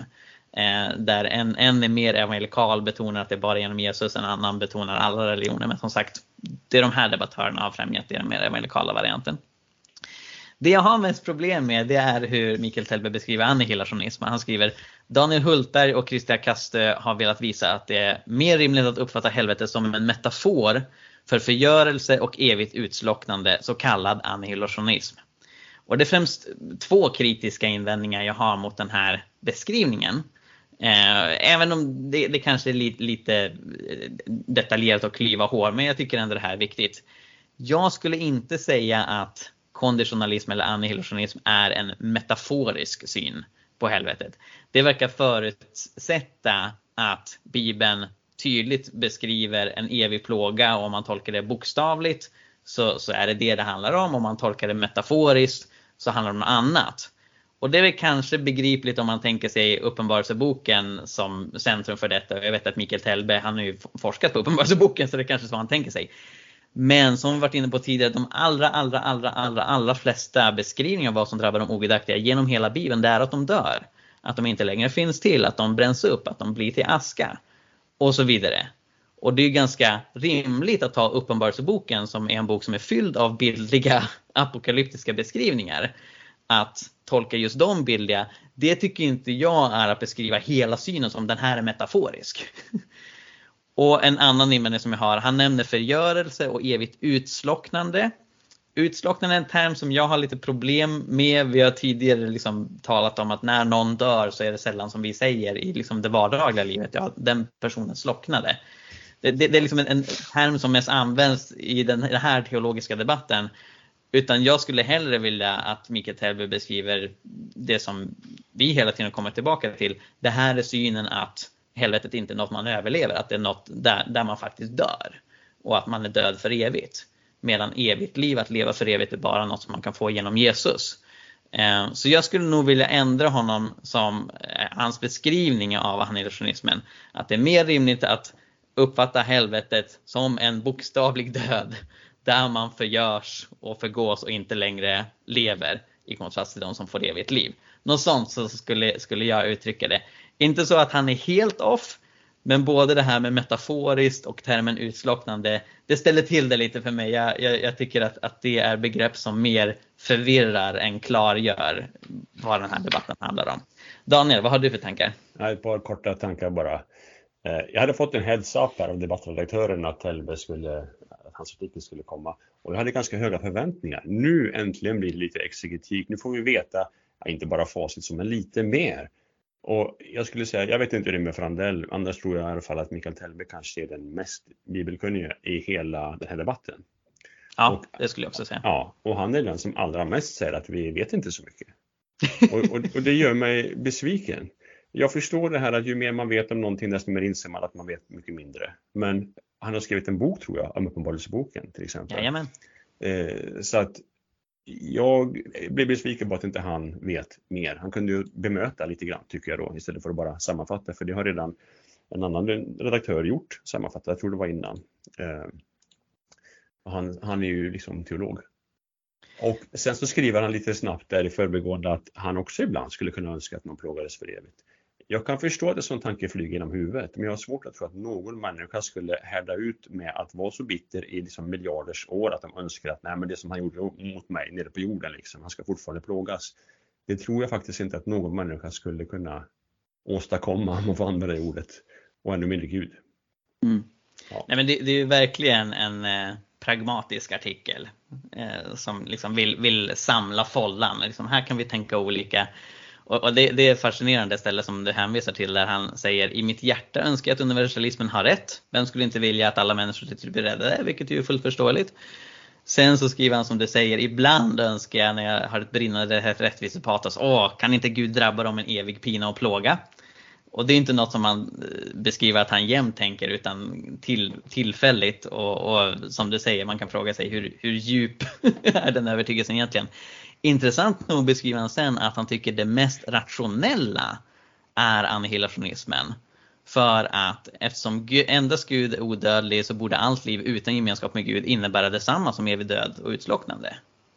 Vilket jag håller med om. Alltså, jag stötte på en hel del traditionalister som betonar att helvetet är eh, eh, en, en, att vara i fullständig frånvaro av Gud. Helvetet är en evighet utan Gud. Och frågan är då, hur kan man leva utan Gud? Hur kan man förbli vid liv? Eh, och, och som, som Mikael Helbe säger här, han, han, tycker att det är det mest rationella. Men han sätter ju inte ner foten tydligt i, i något läger utan han vill mer beskriva att här kan man tänka olika. Och, det är förvisso en, en poäng som är viktig att göra, att det här är inte en frälsningsavgörande fråga. De som säger att man måste tro på evig plåga för att vara kristen, de har ju inte rätt, för det finns mängder med kristna genom historien, inklusive den tidiga kristna historien, som inte håller med om evig plåga, som var lika kristna för det. Elin, har du någon tanke om Mikael Telbes text innan vi går vidare? Jag kanske bara lite att säga till just det där som du sa. Um, I Apostlagärningarna 17 står det ju ehm, um, denna Paulus predikar i Aten så säger han ju då att uh, för i honom är det vi lever och rör oss och är till. Så som även några av era egna skalder har sagt, vi av hans släkt. Så, så då är det ju inte bara heller vi som tänker på något sätt filosofiskt så här att ja men hur kan man fortsätta leva om man är avskild från, från Gud utan det är också um, ja, Bibeln själv som, som säger att det är Gud som ger liv och anda och allt. Och här pratar Paulus till uh, hedningar och säger att, att liksom och inkluderar dem i det här att vi lever och rör oss och är till i honom liksom att utan, utan Guds livsgivande mm, kraft så, så finns vi inte till. Ja, så då, ja, jag ville bara säga det där. Mm, nej, men jättebra poäng, verkligen. Ja. Okej, ska vi gå vidare till Daniels avslutande text i den här debatten. Är näst sista texten i debatten. Eh, du fick göra en replik, främst då på ehm, det som traditionalisterna har skrivit, som heter Läran om evig plåga är den mest extrema. Eh, Daniel, skulle du vilja kort sammanfatta vad du eh, skriver där? Jajamän. Jag tänker ju generellt så här i livet att jag är helst inte så mycket emot saker som jag är för alternativet till det man annars skulle vara emot. Men i den här frågan så är jag bara emot helvetesläran för jag tycker den är så bizarr och dessutom obiblisk. Och eh, jag hade egentligen ett syfte med den första artikeln och ett annat syfte med den här skulle jag säga. I den första ville jag bara dra resonemangen till sin spets. Eller inte egentligen till sin spets utan bara lägga ut dem som de säger. Eh, ja, lite provokativt kanske, men jag menar att det, det var befogade frågor jag ställde. Och i den här artikeln tänkte jag att jag ska inte bemöta alla de här, eh, ja, vad ska man kalla det, kanske inte personangrepp, men liksom de antyder saker om vad jag egentligen tänker och sånt där. Utan jag vill bara visa att det finns bibliskt stöd för eh, annihilationismen eller kondi, eh, konditionalismen. Och Så jag nämner bara kort här att eh, de här frågorna som jag ställde i min första artikel, hur kan man som helvetestroende välja att sätta barn till världen om de riskerar att plågas för evigt? Är det synd att vi känner sån stark kärlek till våra ofrälsta barn som egentligen förtjänar evig plåga, en synd som vi egentligen befrias från himlen? Och en sista, finns det någon gräns för hur ond en Gud skulle kunna vara för att jag inte längre skulle vilja tillbe honom? Och det är de här frågorna som har citerats då av Frandell och Nima med att jag drivs av ett emotionellt förakt. Eh, och att vem är vi att döma och så vidare. Så alla de invändningar som har kommit har inte varit ett eh, svar på frågan utan det har varit ett avfärdande av frågan. Snarare, ja men det här är fel frågor snarare än här är de rätta svaren. Sen så går jag igenom mycket av det här som vi har pratat om redan här i, idag och även förra gången. Att eh, det finns liksom inte så mycket bibelstöd stöd eller inget alls egentligen för för helvetesläran. Och bara det att ordet helvete inte finns i Bibeln borde ge en, en väldigt stark varningsklocka direkt. Det kommer till och med från namnet på en avgud. Och det står i Bibeln att vi ska inte ens nämna avgudar vid namn. Alltså gör man en avguds, alltså sätter en avgudsnamn på en lära som är en av de mest centrala i hela kristendomen. Det borde ge en rejäl heads-up, tänker jag. Och eh, ja, sen går jag igenom fler och fler bibelord här då, de som vi har pratat om tidigare. Och ett som inte har kommit fram här mot slutet, det är det här med att det, det, Bibeln, i Bibeln råder inte brist på att prata om plågande. Bibeln pratar ganska mycket om plågande i olika sammanhang och det är det här grekiska ordet basanitso. Vi ser, var det 12 eller 14 gånger det nämns? Eh, och då kan man ju konstatera att varken Paulus eller Jesus använder någonsin det ordet för att benämna människans tillstånd efter döden. Så jag tycker bara det, där är det ganska givet. Att, att vad är det som är plågande och vad är det som är till slut upphörande att existera eller död då. Och eh, sen det här med evig, det har jag gått igenom, det har kommit upp tidigare också, det är fler som har skrivit det, vad det betyder och så. Eh, det finns mycket att säga om det, men det kanske vi inte hinner. Evigheters evighet, det nämns mest i Uppenbarelseboken. Eh, det är några få ställen utöver det bara. Och Uppenbarelseboken är ju den mest apokalyptiska litteraturen som finns i Bibeln i sin helhet så som bok. Så det borde också ge en varningsklocka. Vad det betyder och sådär. Eh, och summa summarum kan man ju säga så här att Bibeln talar om en eld som leder till död och inte en död som leder till eld. Och det är ju det mest naturliga, det är så man pratar. Eh, ja, det kan inte bli mer logiskt och simpelt än så. Varför skulle det vara tvärtom? Det pratar vi aldrig någonsin om. Och om det var så att det var en död som ledde till eld, hur skulle då de som pratade om det, om nu Jesus och Paulus hade gjort det, hur skulle de kunna förutsätta att människor skulle uppfatta det precis tvärtom? Det är också ganska långsökt. Då krävs det att han åtminstone någon gång förklarar det. Ja, men så här menar jag. Människan kommer plågas i evighet. Den formuleringen finns inte någonstans och inte ens någon vers som går att tolka det så explicit till det.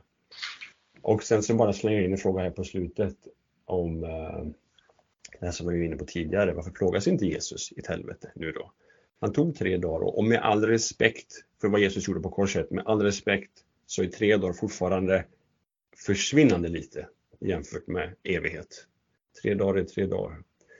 Um, sen så kunde jag ana redan innan jag skrev det här att det kommer komma en invändning om, om någon skulle få replik på det här då att ja men ni har ju samma problem. Eh, Jesus förintades ju inte. Eh, och först och främst så är det inget svar på den här invändningen. Om vi har ett problem med våran utläggning av de här bibelverserna så betyder inte det att de har rätt. Det betyder bara att vi i så fall båda har fel eh, eller problem med det. Först och främst så dog han, Jesus. Det står syndens lön döden och han dog. Sen att Gud valde att uppväcka honom, det är liksom en senare fråga. Så att det som blir tydligast här är att Jesus plågas inte i ett helvete fortfarande för evighet. Ja men precis. Alltså Jesus dör i vårt ställe. Sen är uppståndelsen inte en del av helvetesstraffet som han tar på sig. Utan han dog och som du säger, Gud valde att sen uppväcka honom. Men det är inte en del av själva helvetesstraffet som han tar på sig på korset. Utan det är på korset som den, den lidande och den död som han upplever där är representativt för det öde som drabbar oss om han inte hade gjort det för vår skull. Så det, det är det som händer på korset, att han tar på sig det som skulle drabbat oss om vi inte hade tillhört honom. Precis. En liten kort grej där också bara. När det pratas om det här med evig eh, eld och rök och allt sånt där. Det är nästan alltid hänvisningar eller alluderingar från de här bibelverserna från Gamla Testamentet som det handlar om Edom, det handlar mm. ibland om Babylon och ibland mm. om Sodom och Gomorra. Det är fyra olika grejer, olika städer som det handlar om och ingen av dem brinner fortfarande. Nej, och och ugglor ska bo där och de brukar inte heller bo i eld. Precis, precis. Och det, och det trots att eh, det, det, står där i eh, eh, Jesaja är det väl, att det är just en eh, rök som stiger i evigheters evighet som kännetecknar Edom efter dess dom. Men det handlar inte om Eh, en rök som bokstavligen stiger i evigheters evighet, för då skulle eden fortfarande brinna. Utan det är ett sätt att beskriva att den här är en dom som kommer gälla och minnas i evigheter. Precis. Jag går igenom också det här med eh, Lazarus och den rike mannen. Och det är ju tydligt där att det beskrivs något som beskrivs innan uppståndelsen. Och eh, Hades kommer kastas i dödsriket så att jag tycker det, det finns inte mer att säga om det egentligen. Det finns mer att säga men det behövs inte sägas mer om man säger så. Eh, och i Uppenbarelseboken så beskrivs ju det här med Babylons eh, straff innan det står att man inte ska finna den mer utförligt. Ja. Det också... Precis, det står i Uppenbarelseboken 19, vers 3. Röken från Babylon ska stiga i evigheters evighet. Och det är efter det står att Babylon har bränts ner och aldrig mer kommer bli funnen. Mm. Eh, så när Johannes använder den här bilden av rök som stiger i evigheters evighet så handlar det inte om att någon förblir vid liv i evighet utan det handlar om en förgörelse och en dom som gäller i evighet. Babylon kommer inte bli återuppväckt och, mm. och bli frälst. Eh, men det handlar inte heller om att Babylon eh, smärtar och skriker, för Babylon är en stad så den kan inte uppleva så mycket plågor från första början utan det är något annat som beskrivs med de bilderna. Precis. Sen är det så också att ordet, alltså ett ord för evighet finns egentligen inte i Bibeln. Utan det är det här aionos, aioner. Eh, och eh, Jesus använder ju det ordet för saker som uppenbarligen inte kommer hålla på för evigt. Nu kommer jag inte ihåg vad exemplet eh, var. Ja, men det kommer vi säkert fram till här. Just det, tidsålderns slut, säger han vid tillfälle. Alltså, det är liksom slutsnackat om huruvida aion kan betyda något begränsat. Liksom. Och det är därför som Bibeln ofta använder motsatsen. att Istället för att säga att något ska vara evigt, för det ordet betyder inte det, så säger man att det ska aldrig någonsin upphöra. Det säger man ofta. Och till exempel då, den som tror på Jesus ska aldrig någonsin dö, säger man. Och det står inte att den som, tror, den som inte tror på Jesus ska aldrig någonsin dö. Det finns inte. Mm. Så det, det, är så man pratar helt enkelt. Um, mm. Ja, nej men det är helt sant att Johan kan, kan både betyda tidsålder och evigt. För mig så liksom tycker jag inte att den diskussionen är så otroligt relevant. För jag tror ju fortfarande att helvetet är ett evigt straff. Det är bara att jag inte tror att det är ett evigt liv. Eviga konsekvenser. utan, utan, ja men precis, det är en evig död. Och den döden är, är ju evigheters evighet. Men du, du nämnde också tidigare i vårt samtal en skillnad mellan evigt straff och evigt straffande. Mm. Eh, så även om man bekänner att, att det handlar om ett evigt straff som är parallellt till det eviga livet som är oändligt så innebär inte det att man upplever ett straff eller att man förblir vid medvetande och upplever ett straff utan ett, en, en evig död kan vara lika mycket ett evigt straff som en evig plåga. Precis som evigt, man blir evigt frälst, man blir frälst, man, man blir inte, det är inte ett evigt frälsande. Just det. det är samma sak, vi blir frälsta en gång, sen är det klart. Mm. Sen en vanlig invändning man, jag ofta får, det här med Matteus 10.28, att eh, om inte det betyder förgör, om evig inte betyder evig så har inte vi heller evigt liv då. Eh, men det är återigen, den som tror på Jesus ska aldrig någonsin dö. Så det, det är ingen motsättning där. Mm. Mm. Ja men tack för den sammanfattningen Daniel. Elin, har du någon kommentar eller tanke om Daniels text eller ska vi springa vidare till Stefan Svärds avslutande artikel? Ja, jag tycker den var jättebra. Så, så det, var, det var fint och vi har ju diskuterat många, många grejer redan så jag tror att vi kan, vi kan gå vidare och, och kanske efteråt så kan ni ju försöka svara de här frågorna, Daniels frågor. Jag tror att, att, att en del kanske traditionalister skulle ha någon slags svar på de här frågorna, men om jag försöker fundera så som jag själv kanske tänkte tidigare. Men, um, men ja, det kan vi göra fast privat och, och gå vidare. Mm, ja, men jättebra. Eh, och jag skulle bara kort vilja nämna, jag tror att din avslutande text Daniel är den mest bibelsprängda av alla artiklar i debatten. Du, ja. du gör flest bibelhänvisningar. Vilket ju i sig inte behöver betyda att, att eh, du har bäst argumentation, även om jag råkar tycka det. Men det kan vara värt att notera utifrån de anklagelser som du har fått, att du bara skulle bry dig om känslor istället för Bibeln. Det stämmer uppenbarligen inte. Nej. Och det är ju inte antal bibelord som är intressanta. Det är utläggningen av dem, vad de faktiskt ja. betyder, som är intressanta. Ja. Mm. Och du använder andra bibelord för att uttolka de bibelord som, som diskuteras i debatten, vilket jag tycker är strålande. Mm. Right, men vi tar och ägnar våra avslutande minuter åt att diskutera Stefan Svärds eh, text. Hans eh, text börjar ju på ett sätt debatten även om han inte hade tänkt det i och med att du Daniel responderade på en krönika han hade skrivit. Och han fick tillfället att avsluta det hela. Han uttrycker i början att han tycker att Mikael Tellbergs sammanfattning är utmärkt eh, och beskriver läget väl. Eh, han säger att bibeltexten om evigheten är i regel vaga och symboliska varför det blir utrymme för olika tolkningar, vilket dagens debatten visar. Det är någonting som även en ledartext som vi inte hinner gå igenom, som sen kommer Fredrik Venell, eh, bekänner sig till. att Det är lite otydligt vad Bibeln säger. Vi kan inte riktigt säga bu eller bä, men vi kan ha respekt för olika uppfattningar. Och det är väl det som Stefan Svärd också uttrycker, även om det blir tydligt att han har ett stort problem i synnerhet med universalismen. Han säger att universalismens gud är en gud som är likgiltig för det onda, att vi får det här problemet med att Adolf Hitler står bredvid Moder Teresa eh, och prisar Gud i evighet och liksom att, att det faktum att Hitler gjorde så många synder får inga eviga konsekvenser. Så. Eh, han kritiserar även annihilationismen om än inte lika hårt. Men hans främsta argument eh, mot vår syn är frågan är varför Bibeln varnar så starkt för den eviga förtappelsen om det ändå bara innebär att man avlider en gång för alla, några, något alla ateister tar för givet. Jag menar på grund av att Jesus och andra i Bibeln varnar så tydligt för helvetet så måste det vara något mer än att bara dö. Eh, och sen så intressant nog så avslutar han med att citera Johannes 3.16. Så vi har alltså konditionalisten Christian Kaste som hänvisar till det här, pekar på att det är antingen evigt liv eller att gå under, alltså dö. Vi har universalisten Sofia, hon hänvisar till det och säger här ser vi att Jesus frälser alla. Och så har vi traditionalisten Stefan Svärd som också citerar Johannes 3.16 och han får till ett korrekt citat till skillnad från hur jag tycker Sofia behandlar den texten. Så älskar Gud världen att han utgav sin enfödde son för att var och en som tror på honom inte ska gå förlorad utan evigt liv. Ställningstagande för eller mot Jesus är en livsavgörande fråga, att gå förlorad eller ha evigt liv, sammanfattar han. Och från hans perspektiv så är att gå förlorad att leva för evigt i plåga.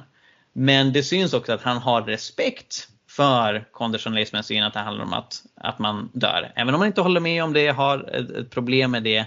Men han har ändå större sympati för den tolkningen än universalismen. Det är det han främst har problem med. Daniel, vad, vad tänkte du när du såg Stefan Svärds avslutande artikel?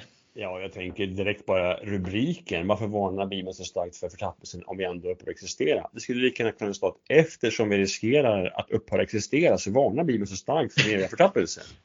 Han svarar ju ja. på frågan i sin egen mening där. Mm. Och det verkar vara en av hans huvudpoänger, så, så det ser jag inte alls att det är så relevant på det viset då. Sen hade jag bara en tanke till och det, jag har hört honom säga det förut, att eh, det, det, är så ovettigt att tänka att vi kommer upphöra existera för det gör ateisterna också. Då blir det ju som de tror.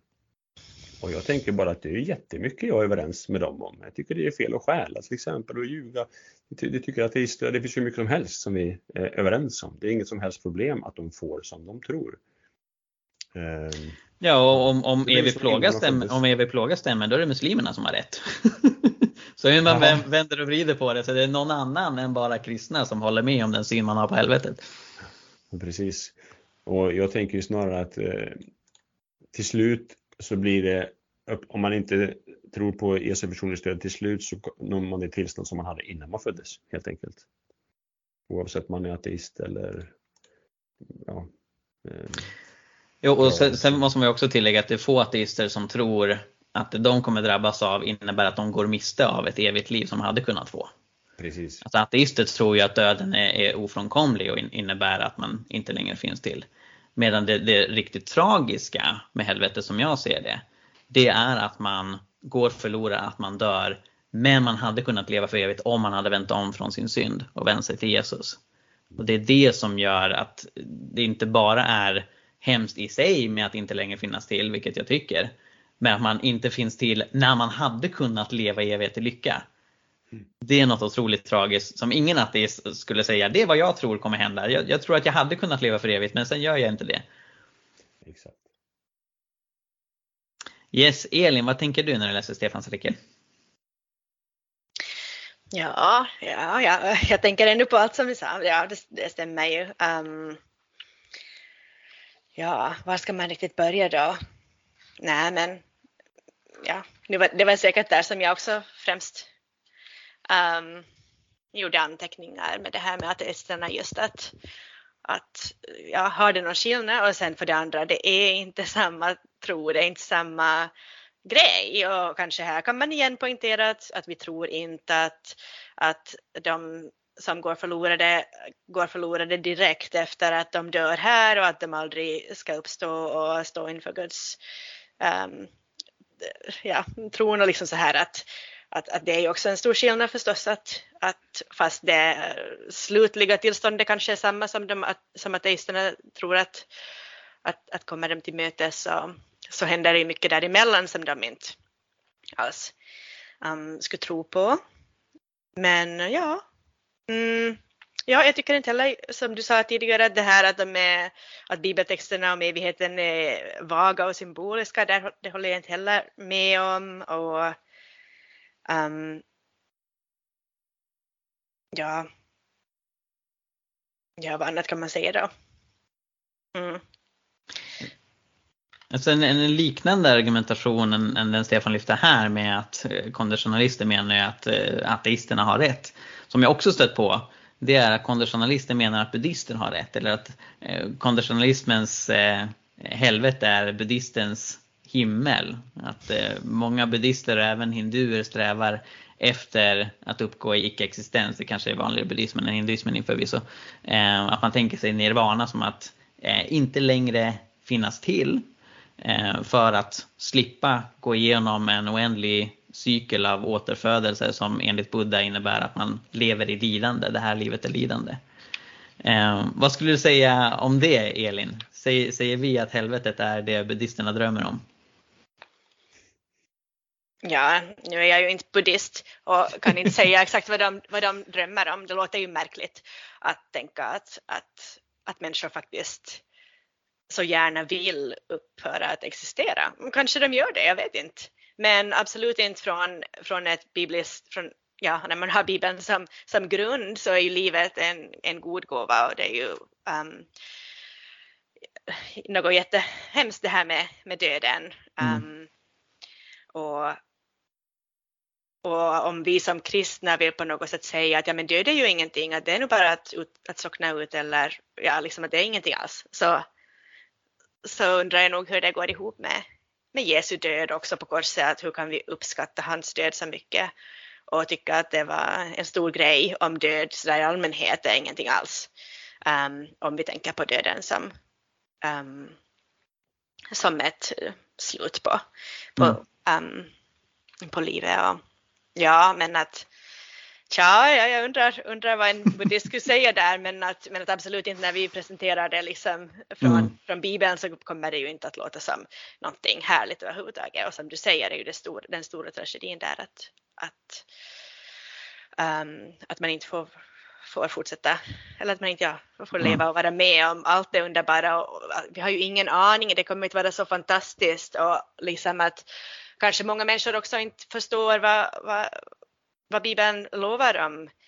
den nya världen och att vi kommer faktiskt att, att ha um, kroppar och kommer att få njuta av liksom en fysisk tillvaro som säkert kommer att vara på många sätt um, bättre än, äh, än den som vi har nu. Liksom, kanske inte bara det att det inte kommer att finnas sjukdom och, och, och synd och död, vilket ju förstås är absolut stort, men att också kan det ju hända att vi äh, ja, blir lite mera, ja, vad ska man säga, ja vi kanske får, lite förmågor och sånt som, som man mm. inte riktigt i vanliga fall tänker att, att, att människor har. Så, ja, oberoende, det är svårt att, att föreställa sig men det kommer ju att vara så fantastiskt så det är liksom, det är ju inte bara det här då att vi svävar någonstans på något moln och att det är det man går miste om utan, utan faktiskt liksom en otrolig upplevelse på den nya jorden. Och ja, mm, ja verkligen. Att, att få se det på något sätt, att veta att det här kommer att hända och människor kommer att ta del av det och sen måste ställa sig inför det här buddhistiska nirvana. Jag menar, jag undrar om någon buddhist i den stunden tycker ja men det här vill jag ju absolut, att jag har ingen ja, intresse av att vara med. Att jag vill absolut upphöra existera. Mm, Daniel, vad tänker du? Jag tänker det här om buddhismen, alltså som jag förstår deras tanke så är det mer att jaget ska upphöra existera, vi inte mm. individualiserar det sedan utan det, vi alla blir ett och så är allt bra snarare än att det finns absolut ingenting. Mm. Eh, så vi skulle nog inte vara överens med dem. Och sen eh, Stefan Svärd, han, jag tycker han miss, det har vi varit inne på lite tidigare, jag vill bara understryka det att han misstolkar ju konditionalismen att det skulle vara bara vi upphör plupp och så är det slut. Vi tror, vi tror ju på ett straff. Vi tror ju på Guds domstol att han utdelar ett straff och sen exakt hur det ser ut det vet vi inte men att till slut så kommer det upphöra och existera men inte direkt. Ja. För det han argumenterar emot nej, är ju att det liksom inte blir något straff alls och det är inte det som vi gör. Det är inte det jag har hävdat i alla fall i, i mina artiklar. Jag har så stora problem med att han skriver att det innebär att man bara avlider en gång för alla. Ja. Och det är något som jag sett på många, men du menar ju att man, att man bara försvinner, att man uh, bara förintas, att man bara dör. Och jag tycker att det dels inte tar döden seriöst. Framförallt har det inte eviga livet seriöst. Så här handlar det om att leva för evigt i Guds omedelbara närvaro i fullständig lycka i evigheters evighet. Att gå miste om det för att istället vara död och aldrig någonsin uppstå, det är inget bara. Det, det är otroligt allvarligt. Eh, så jag, jag, tycker att Stefans argumentation är, är väldigt svag. Att ja, Jesus betonar att det är av högsta vikt att vi tar emot det eviga livet. Men det i sig är inget argument för att alternativet till att eh, få evigt liv är att fortfarande leva för evigt fast på ett mer plågsamt sätt. Eh, och sen bara för att knyta ihop säcken om buddhism, jag delar helt ditt intryck Daniel att, att eh, de flesta buddhister skulle snarare beskrivas som att det jag strävar efter i nirvana. Det är inte fullständigt icke-existerande, att jag inte längre finns till, att jag uppgår i världsalltet och sådana saker. Men även om det skulle finnas buddhister som tänker sig, nej men jag längtar att uppgå i icke-existens, så handlar ju det, som jag nämnde tidigare, utifrån världsbilden att det här livet bara är lidande. Och man vill befrias från det helvete som man upplever att det här livet är genom att inte längre finnas till. Och det är något helt annorlunda än att det finns ett evigt liv i lycka. Något många buddister då skulle förneka. Men att säga att det finns och att alternativet inte längre finnas till, som du säger Elin, vem skulle vilja välja icke-existensen om det inte för att de inte vill vara med den som gör det eviga livet möjligt. Och det är därför jag tror att det finns en dubbel utgång trots att det eviga livet objektivt är så mycket bättre. För jag tror det finns människor som helt ärligt verkligen inte vill ha något med Gud att göra även om det innebär att de förgås. Och då istället för att tvinga de människorna in i evig gemenskap med sig själv så respekterar Gud det och låter dem dö i sin synd, vilket han har sagt är konsekvensen av synden hela tiden. Mm. Okej, okay. Någon avslutande tanke innan vi lägger på luren? Man skulle vilja avsluta med det man pratar om det eviga livet, hur fantastiskt det är. Men jag vill bara tillägga att säga att bara någon dör, det är inte så vi reagerar när någon dör. Det är inte Nej, bara. Verkligen, det är en stor verkligen. sorg, så det är verkligen inte bara. Men eh, det mest fantastiska är ju den världen som vi ska komma till. Det är det som är vårt stora huvudbudskap. Mm. Ja men verkligen. Vi sörjer när en 90-årig person eh, somnar in och dör. Vi sörjer när ett spädbarn dör. Hur mycket mer behöver vi inte sörja att människor går miste om att leva miljarders, biljarders, triljarders eh, år i evigheters evigheter. Så det är någonting allvarligt i sig. Eh, och det är en nåd att det överhuvudtaget finns ett evigt liv tillgängligt för någon av oss. Så Bibelns perspektiv är inte att vi alla har en rätt till att leva för evigt och sen plockar Gud från den rätten från vissa av oss. Nej, på grund av vår synd, ingen av oss förtjänar att leva för evigt. Men i Guds nåd så tar Jesus på sig helvetets straff på korset, lider och dör för oss. Och därigenom så kan vi få leva i evighet tillsammans med honom trots att det inte är vad vi har i oss själva. Utan det är en gåva från honom. Precis som Johannes 3.16 uttrycker det. Genom att vi tror på Guds son som kom till världen så får vi leva för evigt. Elin, några avslutande tankar från dig? Ja, men det här var ju så bra, man vill ju inte säga någonting mera. Men um, om jag nu ska säga ännu någonting så, ja, här skrev han ju då att, att, att Bibeln talar också om Guds vrede över synden och att han ska döma synden. Så det är ju inte bara då kanske att döma utan nu tar vi till och säger att äh, synden kommer att utplånas så, ja. så det, det blir ju ännu mer sådär, ja en höjdpunkt liksom på det här. Att, att, äh, ja, att synden och syndarna då kommer att utplånas och, och aldrig finnas till. Guds universum kommer att vara absolut um, endast gott. Vi kommer inte att ha någon, mm. någon hörna någonstans med Gehenna eller en eldsjö eller någonting sånt. Uh, utan hela alltihopa kommer att, att endast vara um, av den goda sorten. Så det är ju fantastiskt. Precis. Den eviga framtid som Bibeln beskriver är en framtid som helt och hållet kännetecknas av Guds godhet och helighet. Inte så att det finns ett litet mörkt hörn i kosmos och där fortsätter människor synda i evigheters evighet för att Gud gör det möjligt genom att göra dem odödliga. Utan nej, synden och därmed syndarna finns inte längre. Utan det är de som har tagit emot Guds gåva Jesus som får njuta av evig lycka tillsammans med honom. Eh, och det är någonting som vårt uppdrag är att bjuda in så många människor som möjligt till. Eh, Hesekiel kapitel 18 säger att Gud glädjer sig inte åt syndarens död. Det är inte för att det är någonting eh, gott i att människor dör som de drabbas av, utan det är en konsekvens av att de själva väljer något ont. Gud brinner för att föra dem tillbaka till sig och på så sätt förlåta och låta dem leva i evighet genom Jesus. Yes, tack så jättemycket för detta. Det gick längre än vad vi ursprungligen trodde med att analysera de här artiklarna. Men jag är väldigt tacksam att ni kunde ta er tiden att göra detta. Jag tycker det har blivit ett väldigt bra och bibelsprängt och högkvalitativt samtal som vi haft tillsammans. Tack så jättemycket både Elin och Daniel för er medverkan. Tack, tack. Tackar.